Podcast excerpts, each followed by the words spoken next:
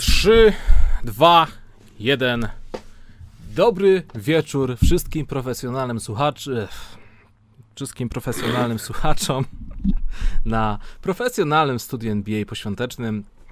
Mogą pojawiać się wzdęcia, mogą pojawiać się e, długie pauzy, ale pewnie też pojawi się troszkę merytorycznej wiedzy koszykarskiej, sucharów i innych takich takich. Siemanko Bartku, jak tam zdrówko? Cześć Łukasz. Całkiem nieźle. Nie narzekam, dziękuję bardzo. Jest dobrze? Jak twoje? Bardzo dobrze. To były moje pierwsze święta od nie wiem kiedy bez sałatki jarzynowej. Też nie jadłem sałatki jarzynowej i minutę temu pomyślałem, żeby cię o to zapytać, bo również nie miałem okazji jeść sałatki jarzynowej żadnej i trochę tęsknię. A ja właśnie powiem ci, że chyba nie.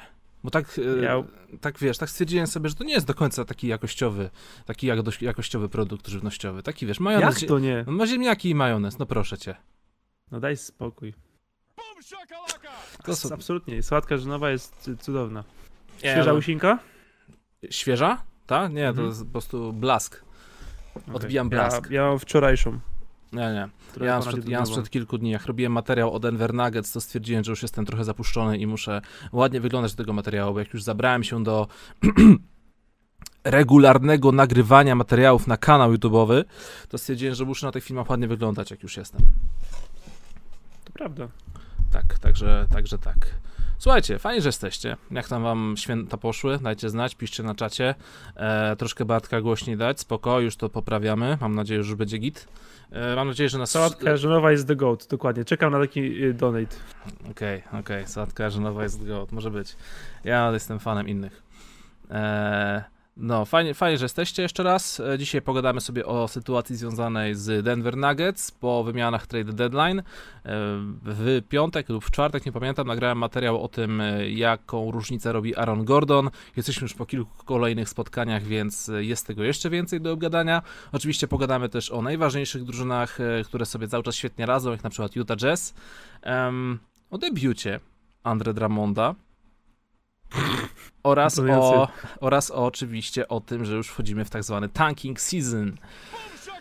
E, Ładny właśnie, Imponujący debiut Andre Dramonta, no. To jest wa, prawda. właśnie Bartek ostatnio też napisałeś fajnego posta na ten temat na swoim fanpage'u, e, że już wchodzimy w ten etap, że niektórych drużyn już, już, e, już nie warto oglądać, chyba że chcemy zobaczyć jak, jak bardzo sprawnie próbują przegrywać mecze. Trzeba bardzo uważać. Trzeba bardzo uważać, co nie znaczy, że do końca sezonu nie będzie żadnego sensownego meczu z ich udziałem, bo to oczywiście Mhm. nie znaczy, ale z reguły raczej te mecze, w których będą brały udział y, drużyny, ta, oczywiście tankujące już y, niestety lepiej poświęcić ten czas, czas, czas na coś innego, poglądać sobie jakieś fajne drużyny, Dokładnie tak. które próbują wygrywać, albo przynajmniej wydaje im się, że próbują wy, wygrywać. Albo można sobie odświeżyć kosmiczny mecz pierwszą część i zastanowić się, czy ten film naprawdę jest tak dobry.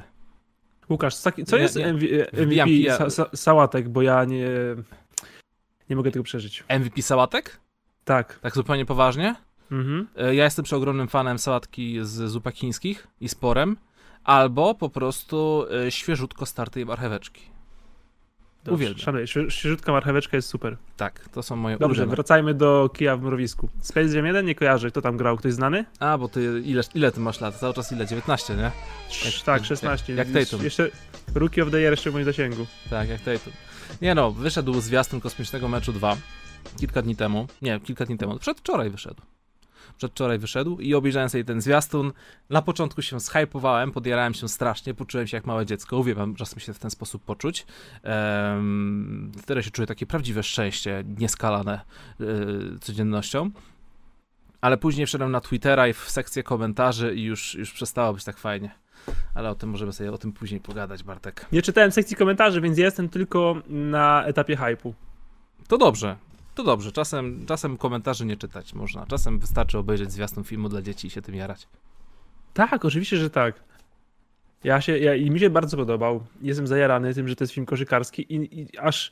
I nie wiem czemu, bo tak naprawdę to rzeczywiście to jest familijne kino i to te, trailer tak wygląda jak familijne kino, a zajarałem się naprawdę jakby to był, wiesz, trzymający w napięciu dramatu Tyrell, czy wszystko to, co lubię najbardziej, jeszcze ładnie opakowane i w ogóle koszykówka i zaraz, a tak wiesz, po chwili przyszła refleksja, ja mówię, Bartek, jarasz się filmem dla dzieci. I mówię, no i zajebiście. No i właśnie, to, to właśnie tak to, tak to powinno działać. Ja idę do kina, się będę jarał. Mam taką nadzieję, że kino puści ten film też w wersji z Że kino napisami. cię wpuści. E, t- tak. Nie no, mam nadzieję, że kino puści też film w wersji z napisami, bo jeśli chodzi o dubbing, e, na zwiastunie nie brzmiało to źle, ale po prostu nie jestem fanem dubbingowanych filmów, więc mam Tomasz nadzieję, Kot dubbingujący LeBrona Jamesa. że... To był Tomasz Kot? Nie, wiem patrzyłem. pojęcia, wymyśliłem teraz, ale to było śmieszne, że taki, wiesz, tak, taka dysproporcja. Tak. To było dobre. Nie, no na pewno jestem, jestem podjarany strasznie i e, tak zupełnie szczerze, e, miałem lekkie ciary na samym końcu zwiastunu, kiedy właśnie było to oczko w stronę fana koszykówki e, z tym, z tym, wiesz, Dwayne Wade na Jezus, Tak, to był na najlepszy- najlepszy To, to, moment. była, to była najlepsza scena całego zwiastunu. Najlepszy moment E, Strasznie się zajarałem. Mam nadzieję, że tego będzie o wiele więcej w samym, zwiast- w samym filmie i będzie można tam odkryć e, coś takiego, że właśnie też starszy widz, o kurczę, no, znam to, znam to, widziałem to, przeżywałem to, fajnie, fajnie że to zamieścili, nie? Hejtowałem go już w 2007, jak Tak, hejtowałem go już w 2007. Właśnie ciekawe, czy będą jakieś takie odniesienia też do faili LeBrona Jamesa w jego Absolutnie. karierze. Na pewno, na pewno miał udział w braniu tego filmu, to tak jak, wiesz, Last Dance, nie? No, E, nie wierzę, żeby coś takiego było, ale ktoś sobie może wierzyć, jakiś zajadły fan lat 90. może sobie pomyśli, a Michael Jordan już po obejrzeniu tego zwiastunu e, odebrał to bardzo personalnie, już szykuje się do sześciodcinkowego serialu The Last Jam, opisujący jak wspaniale było tworzyć pierwszą część tego filmu. Washington 96. Wizards. Tak. A nie, Tak jest. to jeszcze nie, to jeszcze nie, to później. Dobra, wy tu sobie pitu pitu, tutaj wysyłacie pierwsze donaty, bardzo e, wam za to dziękujemy. Tradycyjnie wszystkie donaty odpowiadamy na nie mm, w dalszej części streamu. Na początku sobie gadamy na różne tam tematy, później jest sekcja typerska, a na samym końcu właśnie e, ogarniamy wszystkie tam donaty. W międzyczasie pamiętajcie, że jeśli ktoś tu jesteście, to byłoby naprawdę fajnie, jakbyście zostawili kciuka w górę pod tym live'em, bo to zawsze pomaga w algorytmach. Zasubs- zasubskrybowali ten kanał, jeśli chcecie takich właśnie koszykarskich treści, a na przykład jesteście tu po raz pierwszy i nie wiecie, że taki kanał w ogóle o koszykówce w Polsce jest.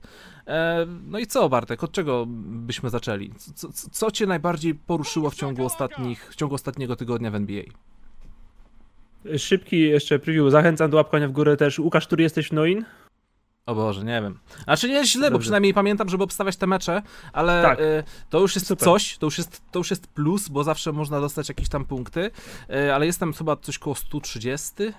Czy mogłem bardziej zajawić kącik typerski? Łukasz obstawia wszystkie mecze. Handlujcie z tym. Tak, tylko wszystkie mecze, jestem na 130 miejscu, jestem najlepszy, a ty Bartek jak Dobra. to idzie? Ja jestem na 18 chyba. O, to Bo jak spadło. byłem na drugim, to uznałem, że muszę że drugie, trzecie mnie nie interesuje, muszę zawalczyć o pierwszej. Zaryzykowałem dwie noce i to nie był dobry wybór. Spadłem na 40 i teraz znowu się powoli pnę w górę, ale już pewnie nie dogonię, więc jestem 18, ale to też dobrze, No. ponieważ zeszła, zeszła ze mnie presja. Bo jak kiedy byłem w czołówce, moje życie zmieniło się w piekło. Budziłem się nerwowo w nocy, chodziłem spocony, wiesz, odświe- nerwowo odświeżałem Twitter, czy ktoś jest kontuzowany, ktoś jest zdrowy, kto tu nie gra, najgorsze, najgorsze. statystyki. Moje życie zmieniło się, wiesz, w trudny, w trudny ciąg. Nie no, żartuję oczywiście. Eee, no, tak, trochę sobie pofolgowałem, właśnie nie pozmieniałem typów przed spaniem, odświeżałem Twitter i spadłem 40 miejsc, ale teraz jest całkiem nieźle. Mhm. Fajnie, że zapytałeś mnie, ale ja skaczę, przepraszam, jestem bardzo chaotyczny. Bardzo dobrze. Zapytałeś mnie, co mnie najbardziej poruszyło w tamtym Mhm. tygodniu, w ostatnim tygodniu w NBA. Najbardziej poruszyło mnie, kiedy Andre Drummondowi zszedł pas nokieć, bo wyobraziłem sobie, jak to musiało go boleć. W sensie, to było takie ach, wzdrygnięcie, więc to mnie poruszyło. Wzdrygnąłem się, po prostu szkoda mi chłopaka. Wszedł do nowej drużyny, wiesz, był zajarany, już podpadł Gasolowi, trzy minuty i wiesz, wylądował na tobie Janis Antetokounmpo, no to raczej nie był przyjemne, no raczej to nie było przyjemne. Czyli mówisz, że na wschodzie nikt nie poczuł ulgi, kiedy Andre Drummond się skontuzjował? Być może ktoś poczuł, a być może to tylko domysły. Okej. Nie, bo spisałem sobie jego statystyki i ja wiem, że to był zaledwie debiut, w dodatku w ciężkim meczu. Wiadomo, że to nie jest takie proste po prostu wejść sobie w drużynę i z biegu zagrać dobrze, ale jednak mimo wszystko w 14 minut 3 straty, 4 faule i tylko 4 punkty na 33% to nie jest debiut marzeń. Wiadomo, że to, jest, to wiadomo że to jest tylko 14 minut, oczywiście, ale, ale, ale em, chyba spodziewaliśmy się czegoś więcej. Tak, ale jako y, etatowy fan, bo i muszę to szybko rozmyć, y, Mhm. odwracając to, że na przykład y, Rajon Rondo, debiutujący wczoraj, zaliczył dwie pierwsze straty w ciągu dwóch pierwszych minut, dwóch pierwszych akcji, w których brał udział, a teraz obrócę sytuację jeszcze bardziej żartem, bo na przykład Mo Bamba dzisiaj w 18 minut złapał 6 fauli. Okej. Dobrze, dobrze wiedzieć. Mobamba. Czy odwróciłem czyli, twoją uwagę? Mobamba, czyli gość, który powinien teraz w zasadzie pokazać, że nie jest draftowym bastem mm, pod W nieobecności sensie, że jeśli nie teraz, to, No to kiedy? kiedy? No właśnie, No. dokładnie tak. Wiesz, no Rajon Rondo to był jego pierwszy mecz w Clippersach, tak? Dobrze To pamiętam? prawda. No to Pierwszy wiesz, w to, to chyba w, jednak się powtarza taka sytuacja, że e, jeśli grasz pierwszy mecz w nowej drużynie, w dodatku chwilę po wymianie, to no, z reguły nie są to super mecze. Nie znasz jeszcze Albo systemu, zawodnik, który był słaby w tym sezonie, wchodzi do drużyny i dalej jest nie najlepszym zawodnikiem w tym sezonie. No dobra, na przykład Evan Fournier nie jest aż taki słaby, żeby Nie aż taki zrobić słaby, 0 owszem. na 10, prawda? Dlatego odbił się w drugim, me- odbił się w drugim meczu, zobaczymy. Ale wiesz, Rajon Rondo, e, bardzo ładnie odwracamy tą uwagę na Clippers i wejdzie właśnie, że nigdy nie będziemy hejtować Lakers, zawsze będziemy tylko hejtować Clippers. Tak, Clippers tak, tak. byli w tym meczu plus e, plus 18, Rajon Rondo był tylko plus 2 w tym meczu. Co jest w ogóle śmieszne, na przykład taki Terazman był minus 6, niesamowite. Rajon Rondo 12 minut, 1 na 3 rzuty z gry, 4 straty, 4 faule, 2 punkty, 3 asysty, zbiórka. Okej. Czyli co Może może- tak naprawdę on jest nie szpiegiem y, Clippersa, który zna wszystko z Lakersów, tylko jest szpiegiem Lakersów, który będzie rozsadzał jeszcze Clippersów. Mi się wydaje, że z tym um, Rajonem Rondo to tam jest chyba bardziej zaawansowana akcja, że on tam ma chwilę sobie pograć, a później mają go przekonać, żeby został w Clippersach, ale właśnie jako asystent trenera albo być może nawet trener. To byłoby, go to byłoby całkiem interesujące, tylko że wiesz, to, to zabawne Rajon Rondo y, tradujący Los Angeles Clippers.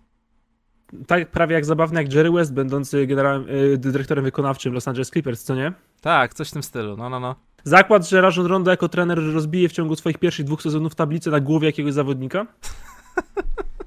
Albo będzie biegał z krzesłem za nimi, jak słynny Mateusz z Krakowa, pozdrawiam serdecznie Terror Sport.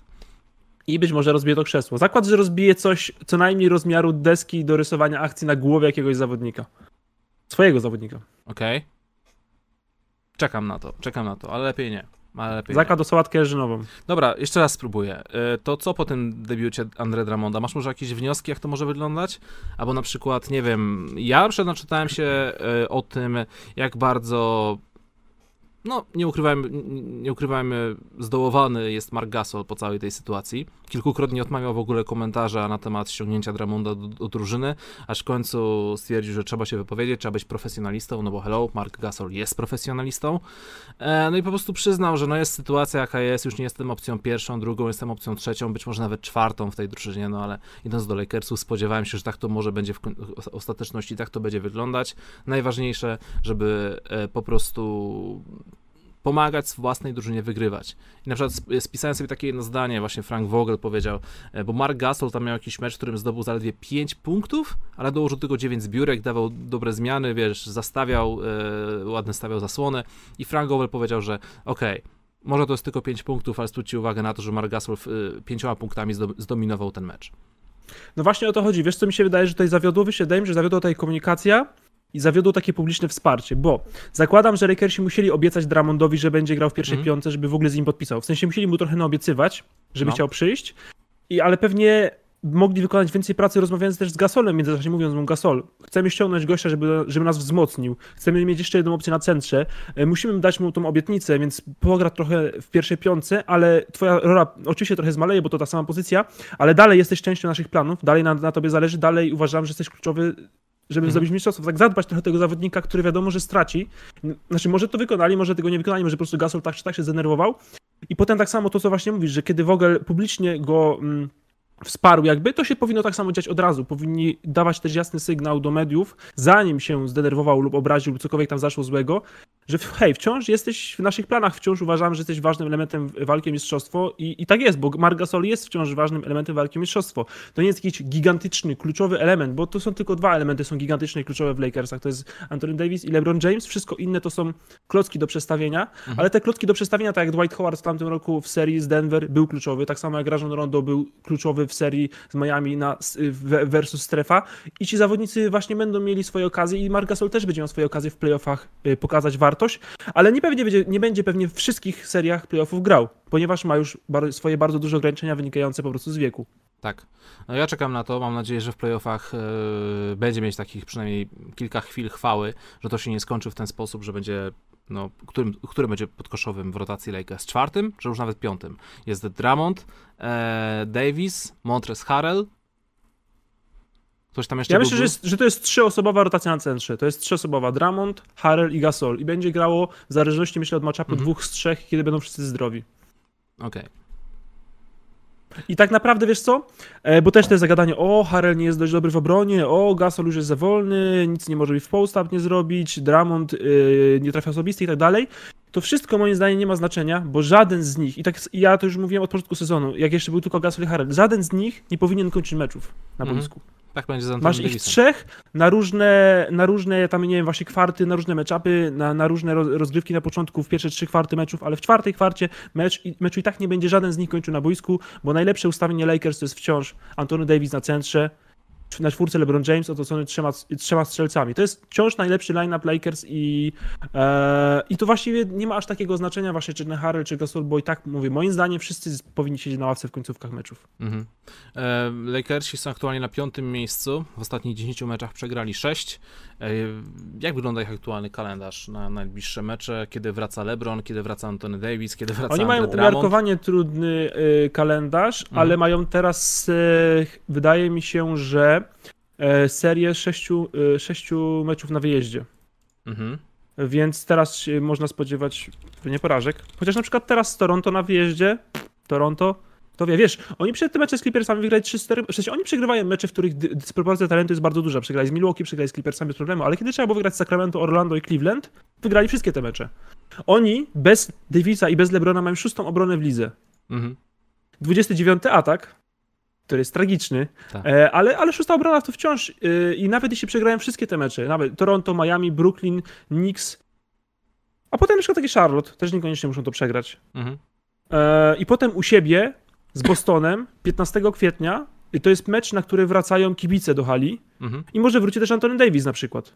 A Antony Davis, e, Andre Drummond może wrócić praktycznie chyba już zaraz, z tego co, co słyszałem, bo już podobno był questionable na ten mecz z, z, z Clippers. Mhm. Co do daty LeBrona chyba nie ma nic ciekawego, więc nawet jeśli przegrają te mecze, mogą je przegrać, mogą wygrać dwa z sześciu, mogą przegrać wszystkie sześć, ale wydaje mi się, że to wciąż nie ma znaczenia. Cieszę się bardzo, że obrona wciąż działa. Eee, I tyle, no i po prostu atak wróci do jakiejś tam, wiesz, średniej ligowej, chociażby kiedy po prostu wróci dwóch z siedmiu najlepszych zawodników w lidze. Dobrze, to em, dla mnie bardzo ważna kwestia. Uwaga, uwaga.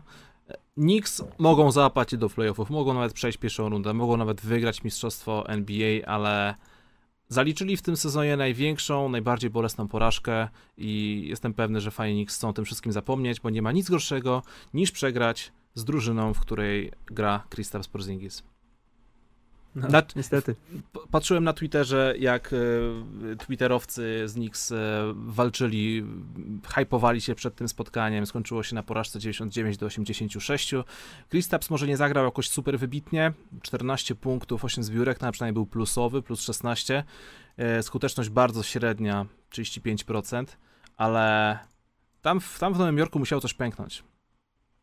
Kristaps jest w tym momencie wrogiem numer Dupka? jeden Nowego Jorku. No. Że śmiał, śmiał zażądać transferu, śmiał być, e, śmiał nie chcieć tam grać.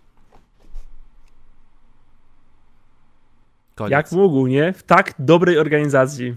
No. New York Knicks, koszykówki, y, pasmo sukcesów, przecież i to jedno potknięcie.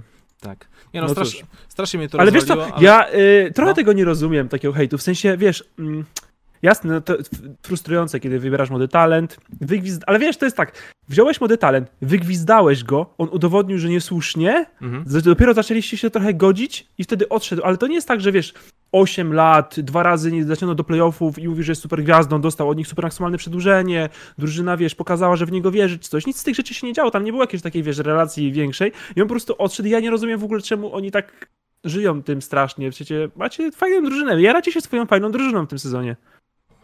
A czy tam zawsze jest ta relacja, że albo kochają pewnego zawodnika, albo go nienawidzą. Tam chyba nie ma neutralności. No ale cóż, po prostu uznałem to za zabawny punkt. Nie wiem, Eee. po prostu y, fani Nix, cieszcie się swoją fajną drużyną. Moje jest git, moje jest git. tak ją bronicie, kiedy ktoś ją krytykuje, to się skupcie na dalej pozytywnym wspieraniu jej, niż jakimś Kristapsem Porzingisem, który i tak się przecież połamie w playoffach. Ale to są bardzo mądre słowa, nie tylko w stosunku do, nowych, do Nowego Jorku. Że lepiej skupi, skupić się na własnych pozytywach, niż punktując negatywy innych. No dokładnie, bo to i tak nic nie zmieni. A odbieracie sobie, by to jest tak, to jest dzień spędzony na hejcie, to jest dzień, którego nie spędziłeś na radości. O, bardzo mądre, bardzo mądre. Podobało mi się. Mam nadzieję, że zostawi, że, że ludzie zostawią tutaj parę kciuków w górę za takie super sympatyczne zdania. Kciuków w górę w swoją drogą nie ma za dużo, więc fajnie jakbyśmy trochę pokciukowali w górę. I też na przykład dlatego nawet Cięż, ciężko tam... się ruszyć po świętach po prostu. Ja, ja, ja to sobie tłumaczę w ten sposób. Ciężko po prostu to trzeba użyć mięśni, żeby kliknąć. To prawda.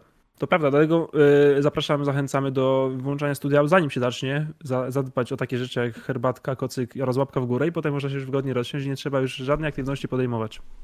Kolejny temat to powrót wielki Isaiah Thomasa. Wielki powrót. Wielki powrót małego, wielkiego człowieka. Co jest E. większe, on czy DeMarcus Cousins w Clippers? Uuu, właśnie, zapomniałem o Demarcusie Kazinisie w Clippers. Kandydat do MVP versus czterokrotny uczestnik meczu gwiazd. Co grzeje nas skoro bardziej. W te, skoro w ten sposób stawiasz sprawę, no. No Łącznie cóż, mają tyle znaczenia, co Josh Hart. Może. Isaiah Thomas wraca do Pelicans, wraca do Pelicans, po prostu wraca do NBA, e, będzie zmiennikiem w Pelicans Lonzo Bola, em, będzie grał z numerem 24, hołd w stronę Kobiego Bryanta, co oczywiście samo w sobie już jest newsem. E, dostał kontrakt 10-dniowy, miał zagrać w niedzielę przeciwko Houston Rockets, ostatecznie na boisko albo nie wyszedł, albo w ogóle był jeszcze nieaktywny, nie wpisany na listę, nie patrzyłem dokładnie. I się tak zastanawiam, czy ten ruch będzie mieć jakiekolwiek znaczenie, czy to jest raczej, e, no wiesz, e, kolejna próba powrotu, która się może skończyć na kilku bądź kilkunastu mało znaczących meczach i tyle na razie. Powiem ci, ocenię. Powiem, jak moim zdaniem jest to ważny ruch, e, porównu, po- podając drugi ruch, który Shams Harania wypuścił 38 sekund temu na Twitterze. Przepraszam ci, bardzo. te, oba te ruchy mają takie same znaczenie. Okej, John dobra, ja Henson muszę podpisał zobaczyć. 10-dniowy kontrakt z Knicksami. John Henson. John Henson podpisał Czyli- 10-dniowy kontrakt z Knicks. I to ma tak samo duże znaczenie w kontekście NBA, jak Isaiah Thomas w Pelicans.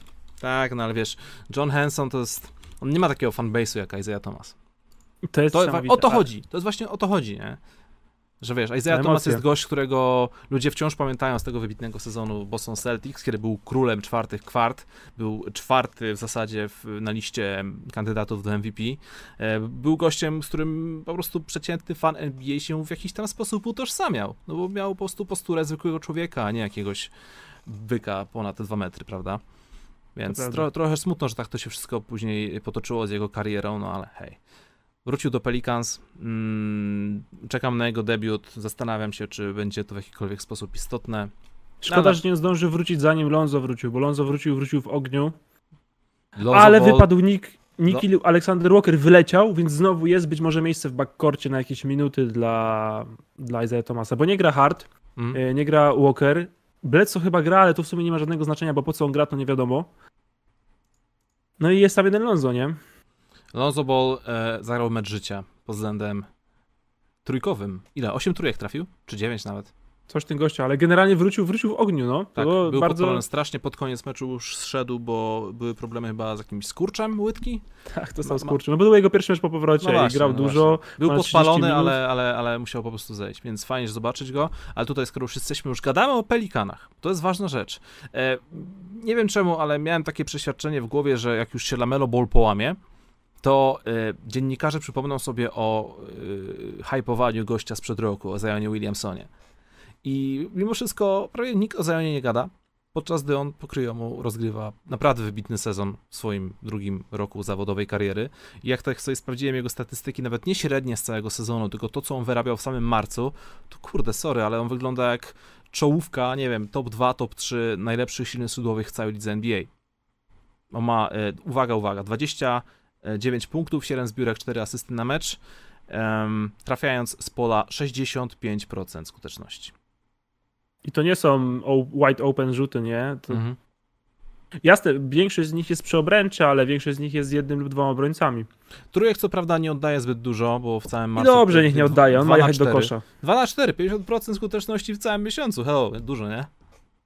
Ja się bardzo cieszę, że on nie oddaje tych trójek. W sensie, jasne, to jest to gadanie o trójki w ogóle, ale to też, kurczę, no nie, nie każdy musi te trójki oddawać, to, co nam pokazuje choćby Janis Antetokounmpo Mhm. i w przebłyskach Ben Simmons. I ja tak z fanowskiego punktu widzenia, bo ja w sumie nie wiem, jak, co mówi do dokładnie tej analityka, może powinien te trójki rzucać, może bez tego nigdy nie skoczy na pewien poziom, ale ja nie chcę widzieć Zajona Williamsona, Zajona Williamsona oddającego step backi za trzy. Ja chcę go widzieć, jak się wbija na kosz z obrońcą na plecach i go wrzuca do obręczy razem z piłką. Ja Tak. to chcę widzieć, chcę tego jak najwięcej. Chcę eksplozywnego, dynamicznego, atletycznego Zajona, który, który jedzie na obręcz. I to ma robić. Że trójki mają rzucać inni. Tak, ale za 5 sezonów nie obrażę się, jeśli Zion Williamson do, dołoży już tak na stałe trójki do swojego repertuaru. Żeby, Tak, to, żeby, pięć żeby to się nie skończyło jak podobnie tak jak z Benem Simmonsem.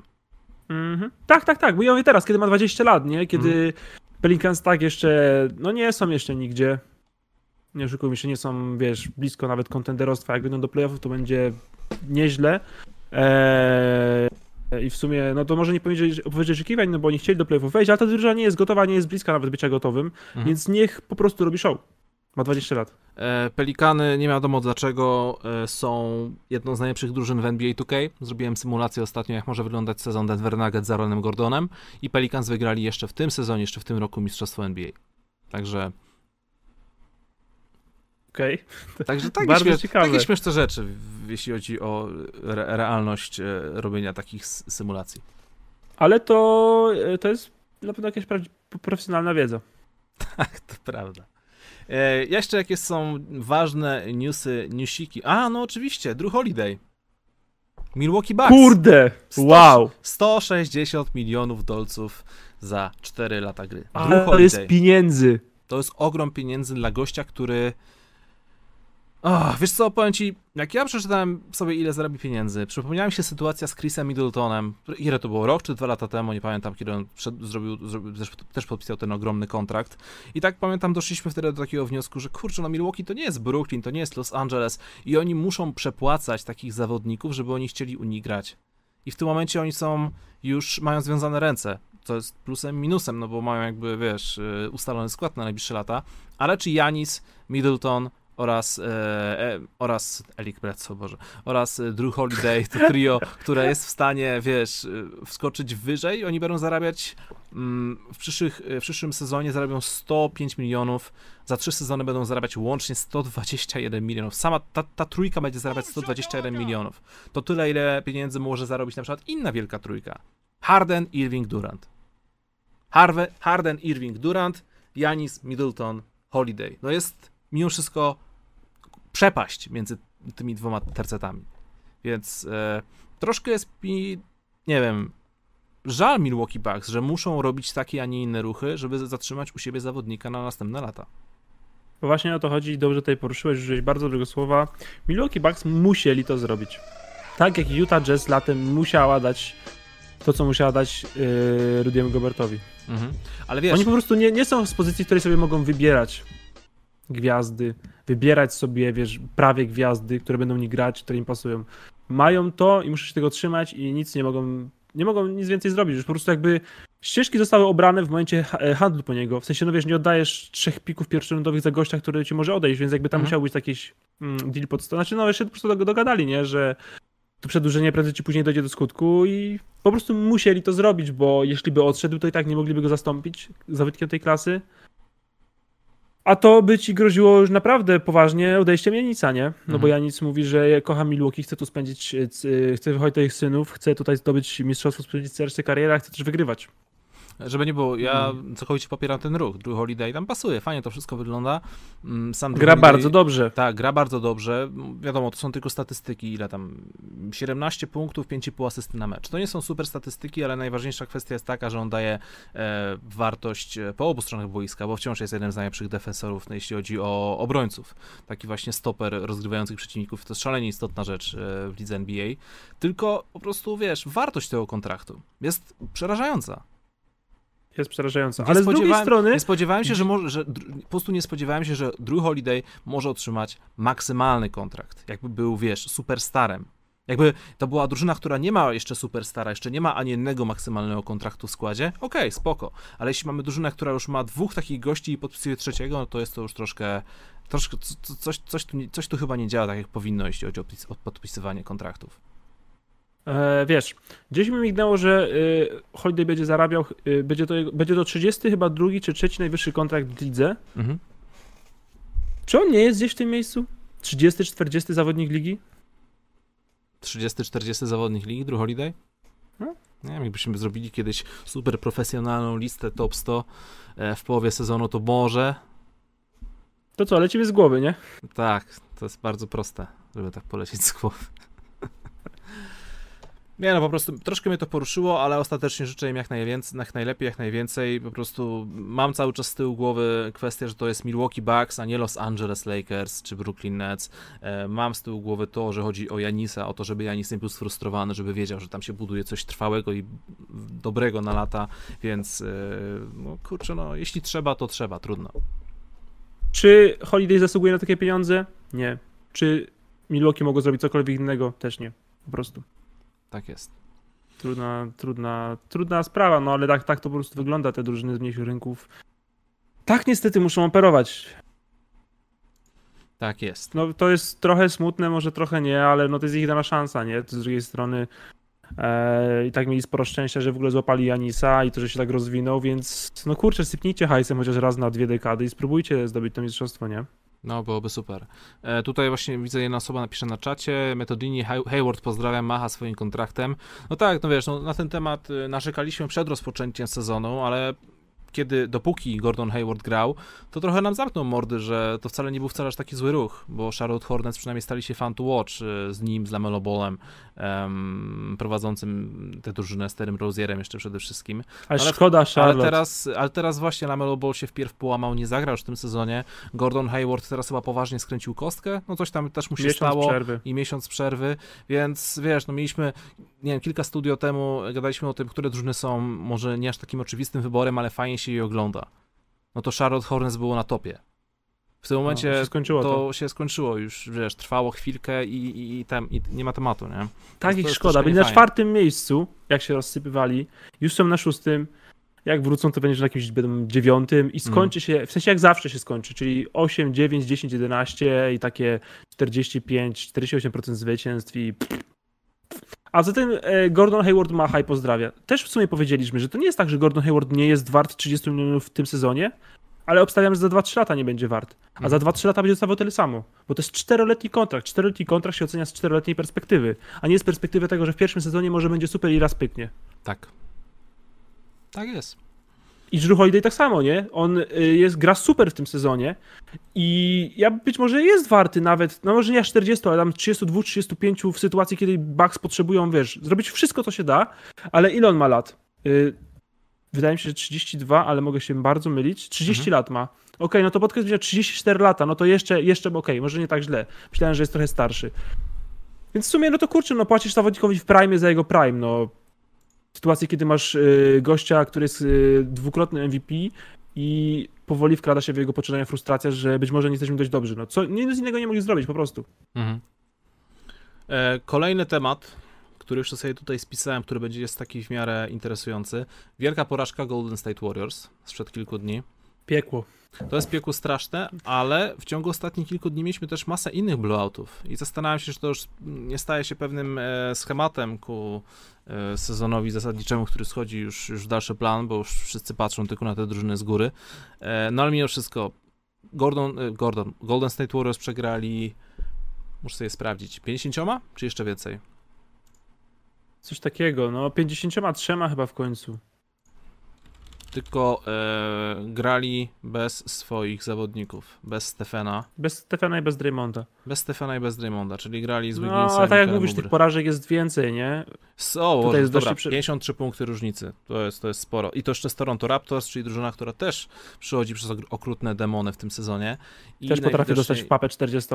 Tak, i, i najwidoczniej po prostu chcieli um, odbić się troszkę w tym meczu, grając przeciwko takim masom jak Wiggins, Wiseman, Ubr, Ubr, znowu, Ubre. No wiesz, jeśli mamy mecz, w którym Nico Manion gra ponad 30 minut. Ubr tak trochę, nie podoba mi się ten kierunek, do, oni powinni chyba podzwonić trochę. Właśnie, sytuacja Kelly Ubre. E, Andrew Bogut wypowiedział się bardzo interesująco. Idealnie się wypowiedział. Podcastu, bo Cudownie się wypowiedział. Tak, bardzo właściwie się wypowiedział. Dla tych, co nie wiedzą, szybka informacja. Kelly Oubre ponoć miał wypowiedzieć się w szatni, że um, na pewno nie będzie wychodzić z ławki w następnym sezonie z Golden State, odnosząc się do sytuacji, że Clay Thompson wraca. Kelly Oubre, który jest ok zawodnikiem, no ale no cóż, Clay Thompson jest milion razy lepszy. I Andrew Bogut odniósł się do tego w podcaście, dostał informację gdzieś tam od swojego kreta z Golden State, no, grał z nimi parę sezonów, więc pewnie kogoś tam ma. E, powiedział, że Warriors naprawdę nie przyjęli tych, tej wypowiedzi zbyt delikatnie e, i, i przypomnieli sytuację z Andrew Iguodalą, który był MVP finałów, grając przecież z ławki i nie miał z tym najmniejszego problemu, o ile pomagało to drużynie wygrywać, podczas gdy Kelly, M. Fink, Aber Kelly M. Fink, Ubre e, e, się na coś takiego nie zgadza. Więc wiesz, mamy tutaj tradycyjny przypadek zawodnika, który nie godzi się dla większego dobra, żeby wygrywać spotkania, tylko chce po prostu chce grać dla siebie, chce robić dobre stacy i no, słabo to wygląda. Wiesz co, e, wydaje mi się, że w tym sezonie, o ile w tym sezonie ma to jeszcze sens, że Ubre tak, wiesz, kozaczy i w ogóle, bo walczy o kontrakt, ale jeśli dostałby kontrakt od Warriors i dalej by tak yy, gwiazdożył trochę, użyję tego słowa, bo tak mi się wydaje, ja mam takie odczucie, mm. to źle i, i, i powinni się rozejrzeć, że chyba, chyba po prostu ja bym go handlował, w sensie jeśli jakiegoś przychodzi i mówi, ja nie będę wychodził z ławki za Klejem i Karym, no bo to wy nie, nie chcesz wychodzić z ławki za Klejem i Karym, o co chodzi? No, więc e, niefajna, to, nie, niefajna sytuacja w obozie, w obozie Golden State.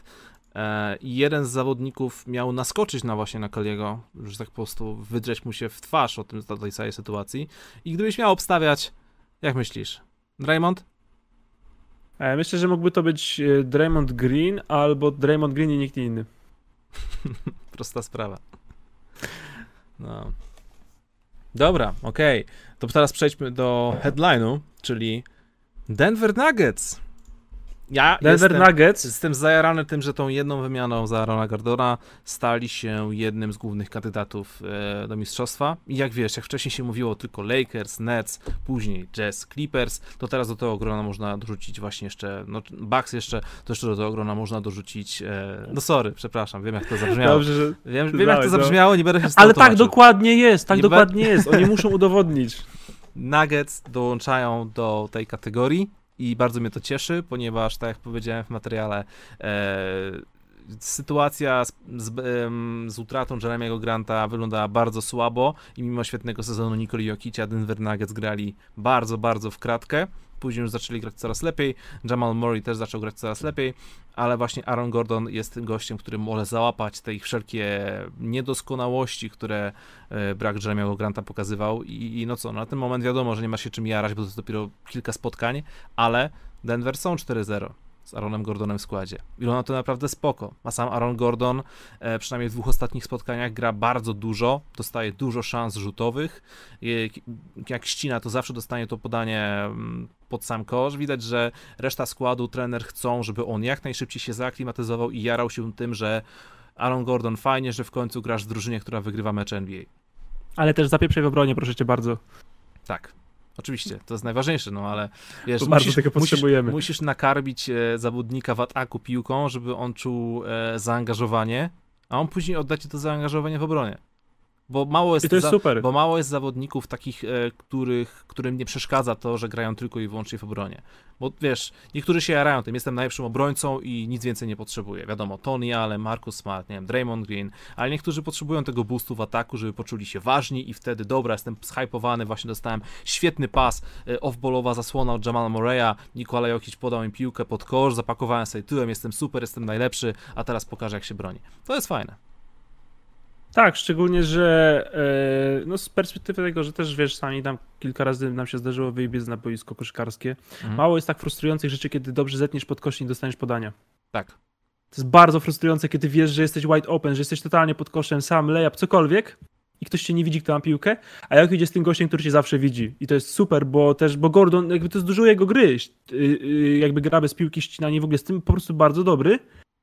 Więc super, że ma zawodnika, którego będzie zawsze, zawsze widział i, i to widać już po tych kilku meczach nawet, yy, więc, powinien, no więc nie powinno być żadnej problemu z, jakby z jego motywacją i właśnie taką radością skryć o tym, co powiedziałeś, więc oby, oby zapieprzał w obronie, bo, bo bez tego rzeczywiście będzie im bardzo ciężko, a podsumowując to, co mówisz, no to tak jak mówisz, no Denver Nuggets witamy w gronie kontenerów znowu. Szkoda, że mieliście, wzięliście sobie wolne na pół roku, ale fajnie, że zmieniliście zdanie i znowu tu jesteście. Mm. No, powiem ci, że nie obraziłbym się, gdybym zobaczył powtórkę finału w konferencji.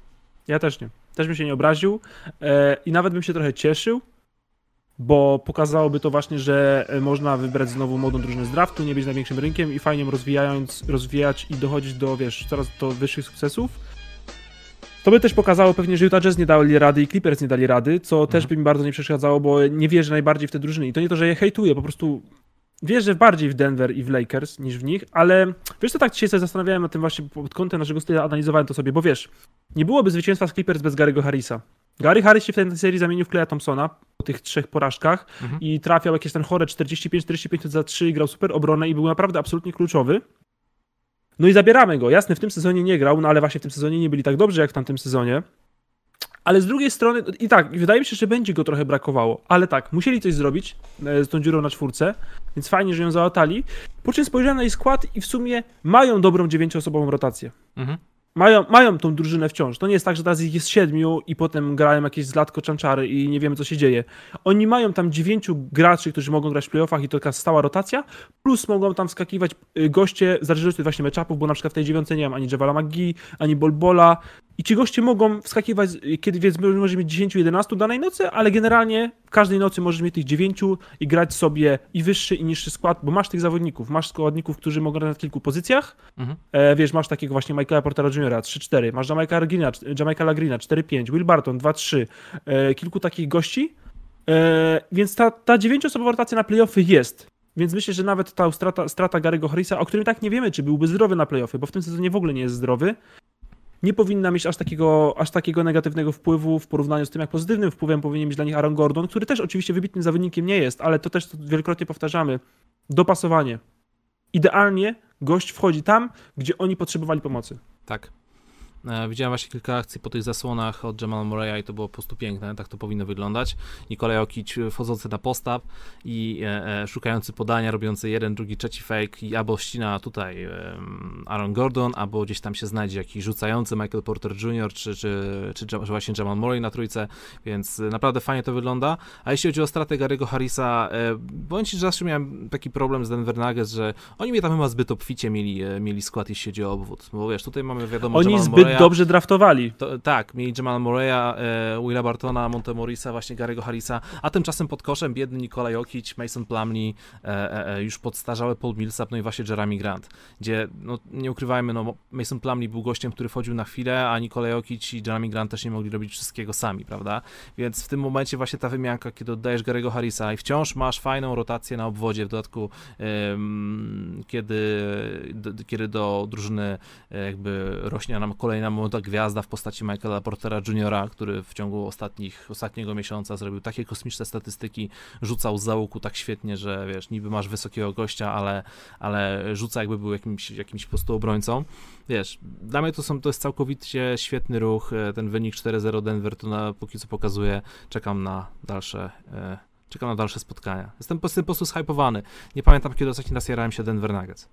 Aż tak, nie? Bo to dokładnie to, co mówisz, kilka rzeczy, których mówisz. To ta, ta akcja, której mówisz, zasłona od Mareja, Jokic podaje ci z post, no to jest prawie tak piękne, kiedy Mark Gasol ma piłkę w high post, Dennis Schroeder stawia zasłonę i Kyle Kuzma ści- ścina pod kosz. Myślę, że wzorują się na tej akcji bardzo dużo. Tylko dla koneserów. Tak, E, dwa, to co Uwielbiam, powiedziałeś, że uwielbiam. Denver po prostu są, e, byli niewolnikami, znaczy niewolnikami, mieli problem z tym, że po prostu zbyt dobrze draftowali. Przecież mówisz, że ten e, backcourt był przeładowany rok temu, ale przecież oni oddawali ludzi, oddawali, wiesz, Malika Beasleya, to też jest ich pik. Mhm. I znowu ten e, RJ Hampton, to też ich pik. PJ Dozier, który został, to też ich pik. E, był Harris, Barton i te, wciąż przecież jest w tej drużynie Monte Morris i Jamal Murray, czyli zawodnik 30 kilka minut i są wszystko jedynko dwójki. Mhm. Czyli wiesz, dużo jedynko dwójek, a mieli problem z trójko czwórkami właśnie. Bo Barton to jest dość mała trójka. Michael Porter Jr. wtedy nie grał, teraz gra. On jest idealnym zawodnikiem po prostu, bo możesz, możesz wyjść wysokim składem z kimś na czwórce i z nim na trójce, ale może też grać na czwórce i nie ma żadnego problemu. I tego Mhm. gościa właśnie brakowało, a teraz mają no prawie dwóch tych gości, bo y, Gordon nie jest trójką, jest czwórką typową, ale może być czwórką, która ustawia się w ataku na obwodzie i to nie, nie, nie rani twojej drużyny.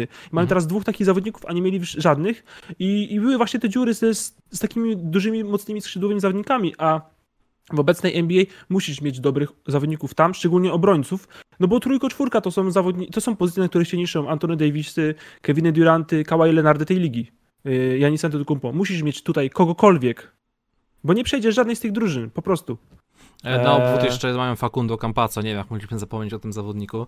Bo on nie był pikiem i nie był w tych poprzednich sezonach, kiedy mieli problemy. Teraz właśnie Tak. o to chodzi, bo też niby odszedł Gary Harris, ale właśnie o to chodzi. Startuje Barton z Marejem, spoko, a z ławki wychodzi y, Morris i Campazzo. Morris może grać trochę bez piłki, Krysz nieco większy zawodników, więc znowu mówię, nie ma problemu, ta rotacja dziewięcioosobowa wciąż jest.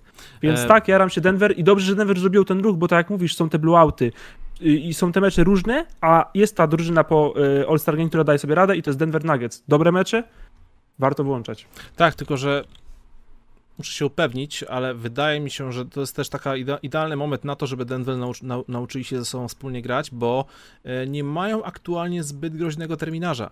Wiadomo, teraz grali Philadelphia czy Clippersami, no ale Orlando Magic, wiesz jak jest, później jest Pistons, dwa razy San Antonio, Boston Celtics, Golden State Warriors, no cóż, Boston Celtics nie jest aż tak groźną drużyną, nie? więc mam przez y, na następne kilka spotkań Ależ uraziłeś teraz. No Czekaj no, na fanów no, Bostonu. Sorry, w tym sezonie Boston Czekaj na Celtics fanów Bostonu. w tym sezonie Boston po prostu nie wyglądają tak dobrze, jak mieli wyglądać. Ja ich typowałem Fani wiadomo, o wiele to wyżej. słyszycie? Słyszycie, co o Kipi mówi o waszej Przed, drużynie? sezon, przed sezonem typowałem ich o wiele więcej, o ale waszej zawodzą. drużynie. Zawodzą. Bartek, o zawodzą. waszej drużynie. Powiedz mi, że Boston są dobrzy w tym sezonie, Bartek. Ja bym tego tak nie zostawił. Później jest Boston Miami, jest, Houston Boston jest przeciętny w tym sezonie. Dobra, nieważne. Słuchaj, Denver po prostu mają aktualnie nie aż taki silny kalendarz, więc to jest idealny moment na to, żeby nauczyli się ze sobą grać. A oprócz tego, e, to jest szalony pomysł, być może idiotyczny, ale bardzo chciałbym zobaczyć eksperyment. Na początku, wiadomo, przeciwko jakiejś słabej, niskiej drużynie, jak na przykład grają z Aaronem Gordonem na piątce i Michaelem Porterem na, na czwórce i robią sobie z tego właśnie taki śmieszny small ball. Takie wiesz, żeby przetestować, żeby sprawdzić, jak, jak, jakie będzie później ustawienie w obronie i jaką kontrę mogą tutaj stawić. Myślisz, że coś takiego ma sens, czy, czy, czy, e, czy nie? Jeśli na przykład Jokic byłby trochę zmęczony, trzeba byłoby poodpoczywać nim, Mhm. jak najbardziej. Eee, ja myślę, że spoko. Znaczy właśnie to, tak musisz wypróbować to. Ja nie wiem, czy to jest jakiś tam, wiesz, go-to skład na jakieś większe minuty, bo Mm, Patryk, Bo przepraszam. chyba, jednak, bo chyba jednak Gordon powinien grać z Jokiciem.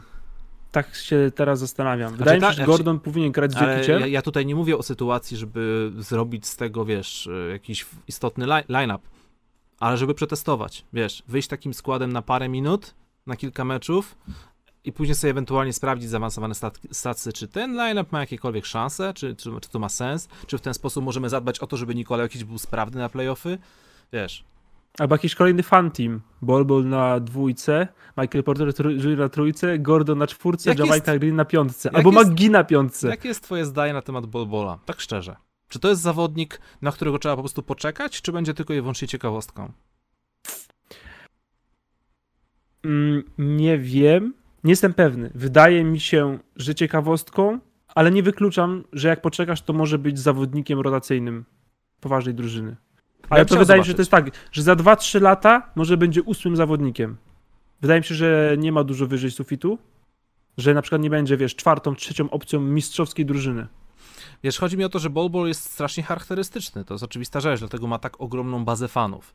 Tylko, że ogromną bazę fanów ma też Boban Marjanowicz, który potrafił robić mecze na poziomie, na poziomie 20-15 i był królem statystyk per 36. I tak o fol, nie? Tak o Fall to samo, więc y, chodzi mi o to, czy Bol Bol będzie należał do grona tych właśnie jednostrzałowców, że raz na jakiś czas zagrają taki super ważny mecz, ale ogólnie będą niewiele grać, czy Bol Bol ma papiery na to, żeby w przyszłości być faktycznie, nie wiem, nie wiem, czy small ballowy center do niego pasuje, no bo nie jest wcale aż taki small, ale, ale wiesz, o co mi chodzi. E, Tak, rozciągający, rozciągający grę podkoszowy. Czy, czy, to, czy to będzie miało jakikolwiek sens, czy to będzie miało, miało prawo bytu w ciągu najbliższych lat, czy raczej po prostu będziemy się jarać tymi pojedynczymi meczami, w których Bol Bol wchodzi, y, zdobywa 25 punktów, trafia kilka trójek i wiesz, jest, jest headline, ale ostatecznie to jest tylko jeden mecz z 82.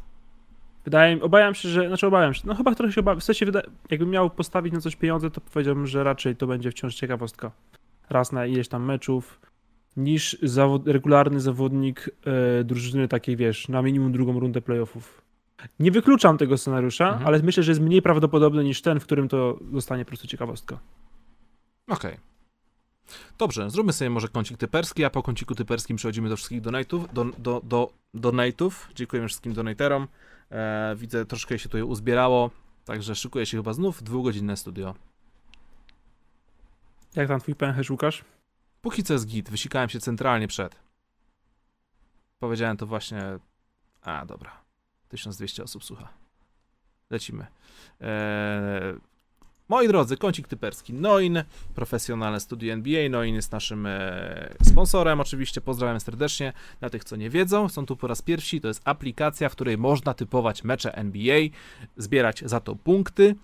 em, iść po szczeblach w rankingu i jeśli jesteście na tyle dobrzy, to można wygrać takie fajne nagrody jak e, książki o koszykówce z wydawnictwa SQN, e, koszulki kip debitowe, albo po prostu takie fajne kozackie słuchawki o wartości, nie wiem, 7-8 stów, no generalnie są naprawdę świetne, więc, y, więc, więc tak.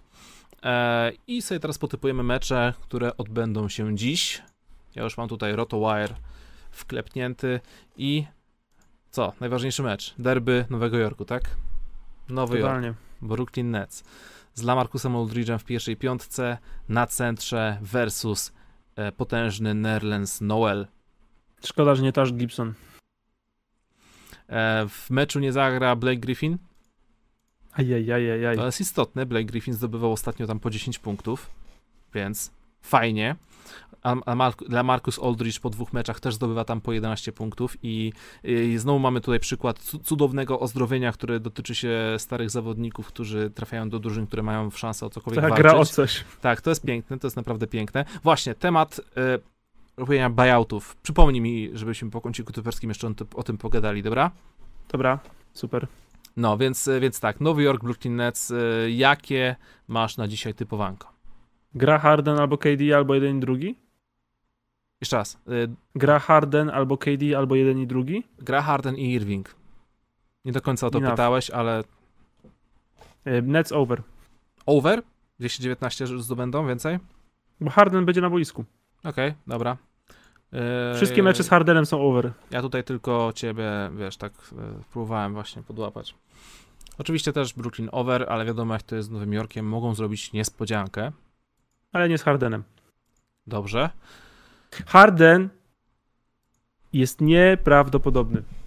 I zawodników, którzy najpewniej nie wygrają MVP, a powinni być w dyskusji, to on i Stephen Curry naprawdę znowu wow. To jest 5 lat później i to się znowu dzieje. Mhm. Są nieprawdopodobni po prostu i drużyny bez nich nie istnieją, a z nimi wyglądają jakby mogli pyknąć każdego zawsze. Tak jest. Mm. Drugi mecz. Utah Jazz oraz Dallas Mavericks. I to E, też może być mecz nocy. Tak, ale uwaga, uwaga. JJ Redick nie zagra. A szkoda, bo, chciał, kłopoty. bo chciałem go zobaczyć w debiucie. E, Kristaps Porzingis, Josh Richardson, niestety game time decision. Więc troszkę to średnio wygląda, a Utah Jazz e, są na takim etapie, że przejeżdżają się po wszystkich, cały czas są najlepszą drużyną, a są nawet takie spotkania, w których e, ich starterzy grają po 20 minut, to, już- to już jest naprawdę takim e, ciosem w policzek tym wszystkim przeciwnikom, więc... więc... Oni znowu po cichu zrobili 9-0 serię. Pyknęli Magic tam 45 w sobotę. To sobota to była ciężka w ogóle noc, nie? Tam był Thunder minus Cztery blowouty 50, były. Magic minus 45, e, obstałem, że Pistons też, bo to o nich też pisałem, bo to była ta sobota właśnie jakieś minus 40, to ciężka, ciężka noc. I wiesz co, miałem Dallas over, ale jak teraz tak powiedziałeś, to wszystko co powiedziałeś i myślę sobie cieplej o Utah znowu, to dam Utah over. Okej, też daję Utah over. Utah po prostu nie przegrywa meczów. Tak jest. Ja się naciąłem też na tym dwa razy, bo oni grali jakieś, to to może nie było, jak mi teraz tak dobrze szło, tylko w jakimś poprzedniej serii miałem chyba taki dwumecz z Memphis Mhm. i oba były te mecze bliskie i generalnie jak są takie dwumecze, to ja stałem raz jedną, raz drugą drużynę. Ra raczej nie wygrywa nikt, a oni się tak dwa razy cyk. A Memphis nie jest takie słabe, nie? Zawsze jest groźny, zawsze wiesz, ma y, 8-9 ludzi do gry i Mhm. dla nich to było tak pyk, po prostu sobie, No. wiesz, przeszli. Mecz dla koneserów. Uwaga, uwaga. Detroit Pistons, Oklahoma City Thunder. Kto bardziej zatankuje? Ja myślę, że Oklahoma City Thunder jest bardziej profesjonalną drużyną i lepiej się przyłoży do tego, żeby przegrać ten mecz i daje Pistons under. Czy Moses Brown zagra dzisiaj mecz życia? Być może, ale to nie wystarczy, ponieważ Shai znowu nie gra. Al Horford jest stary. Widziałeś ten screen? Właśnie, E, z... Tak, widziałem, to było strasznie złośliwe. Śm- Strasznie to było złośliwe, ale, ale fajne, sympatyczne. Oklahoma w ogóle jest- gra bardzo osłabionym składem. No i to jest kontuzjowane i ludzie są wyłączeni. Alicja ci mówi, żebyś wyłączył donate. E, aha, na czacie Łukasz wyłączył. Faktycznie, dobra. Dziękuję ci bardzo, Alicja, jesteś super. Już było ich dużo, tych, tych, tych donate'ów. Za dużo. Za chwilę, jak się ogarniemy, to. Okej, okay, donate'y wyłączone. W sensie, Detroit Under. Teraz nie wiem, czy jest osoba na streamie, nie pamiętam Niku Sorki, osoba, która sprzedaje link do donate'ów, możesz się teraz ujawnić. Może zarobisz jakieś pieniądze, polecam. Okej, więc e, wracając do meczu e, Detroit oraz Oklahoma. Detroit Under. Oklahoma jest bardziej profesjonalną drużyną i lepiej będzie przegrywać. Piękne, piękne to jest, naprawdę piękne, okej.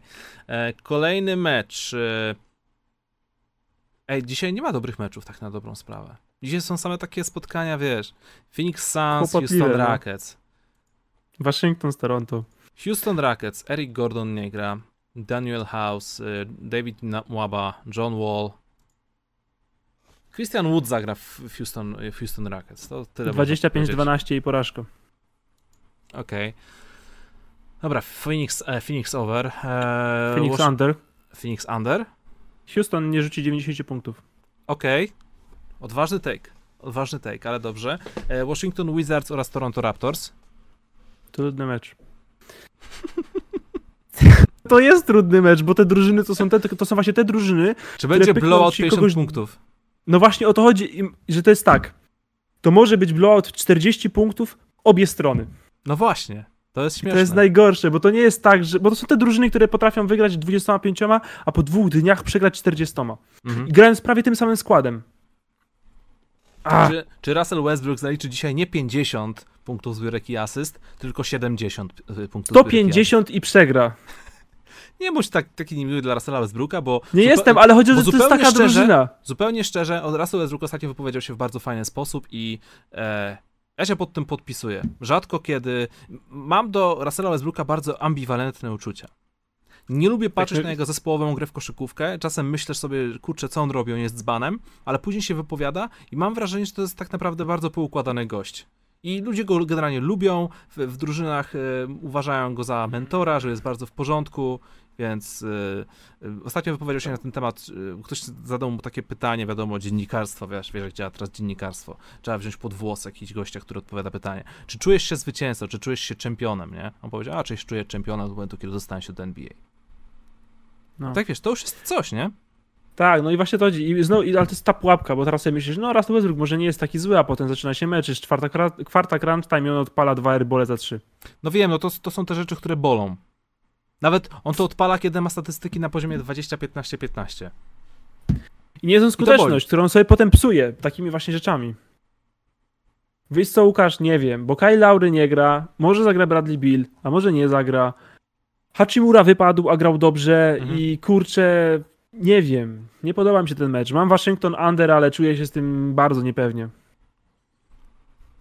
Dobra, ja daję Toronto Under. Jak wygrali z Golden State. Z Kurde, B, no i właśnie, no i też chcę z dać, drużyną B Golden State. Ej, za, to i daję to, Toronto teraz też. Słuchaj, Dzięki. mamy jeszcze dzisiaj takie cudowne mecze jak Cleveland San Antonio oraz Sacramento Minnesota. Co się stało? Kto układał ten kalendarz? Dlaczego w lany poniedziałek jedynym meczem ważnym są derby Nowego Jorku No i Denver, y, Utah. i Denver Utah? Okej, Półtora meczu mamy. tak. San Antonio Spurs, y, Cleveland, bo teraz o nich mówimy, nie? San Antonio Spurs są denerwujący, mają bardzo trudny terminarz, mają Mhm. szansę na playoffy i dostają jakieś losowe mecze w dupę z jakimś Sacramento u siebie.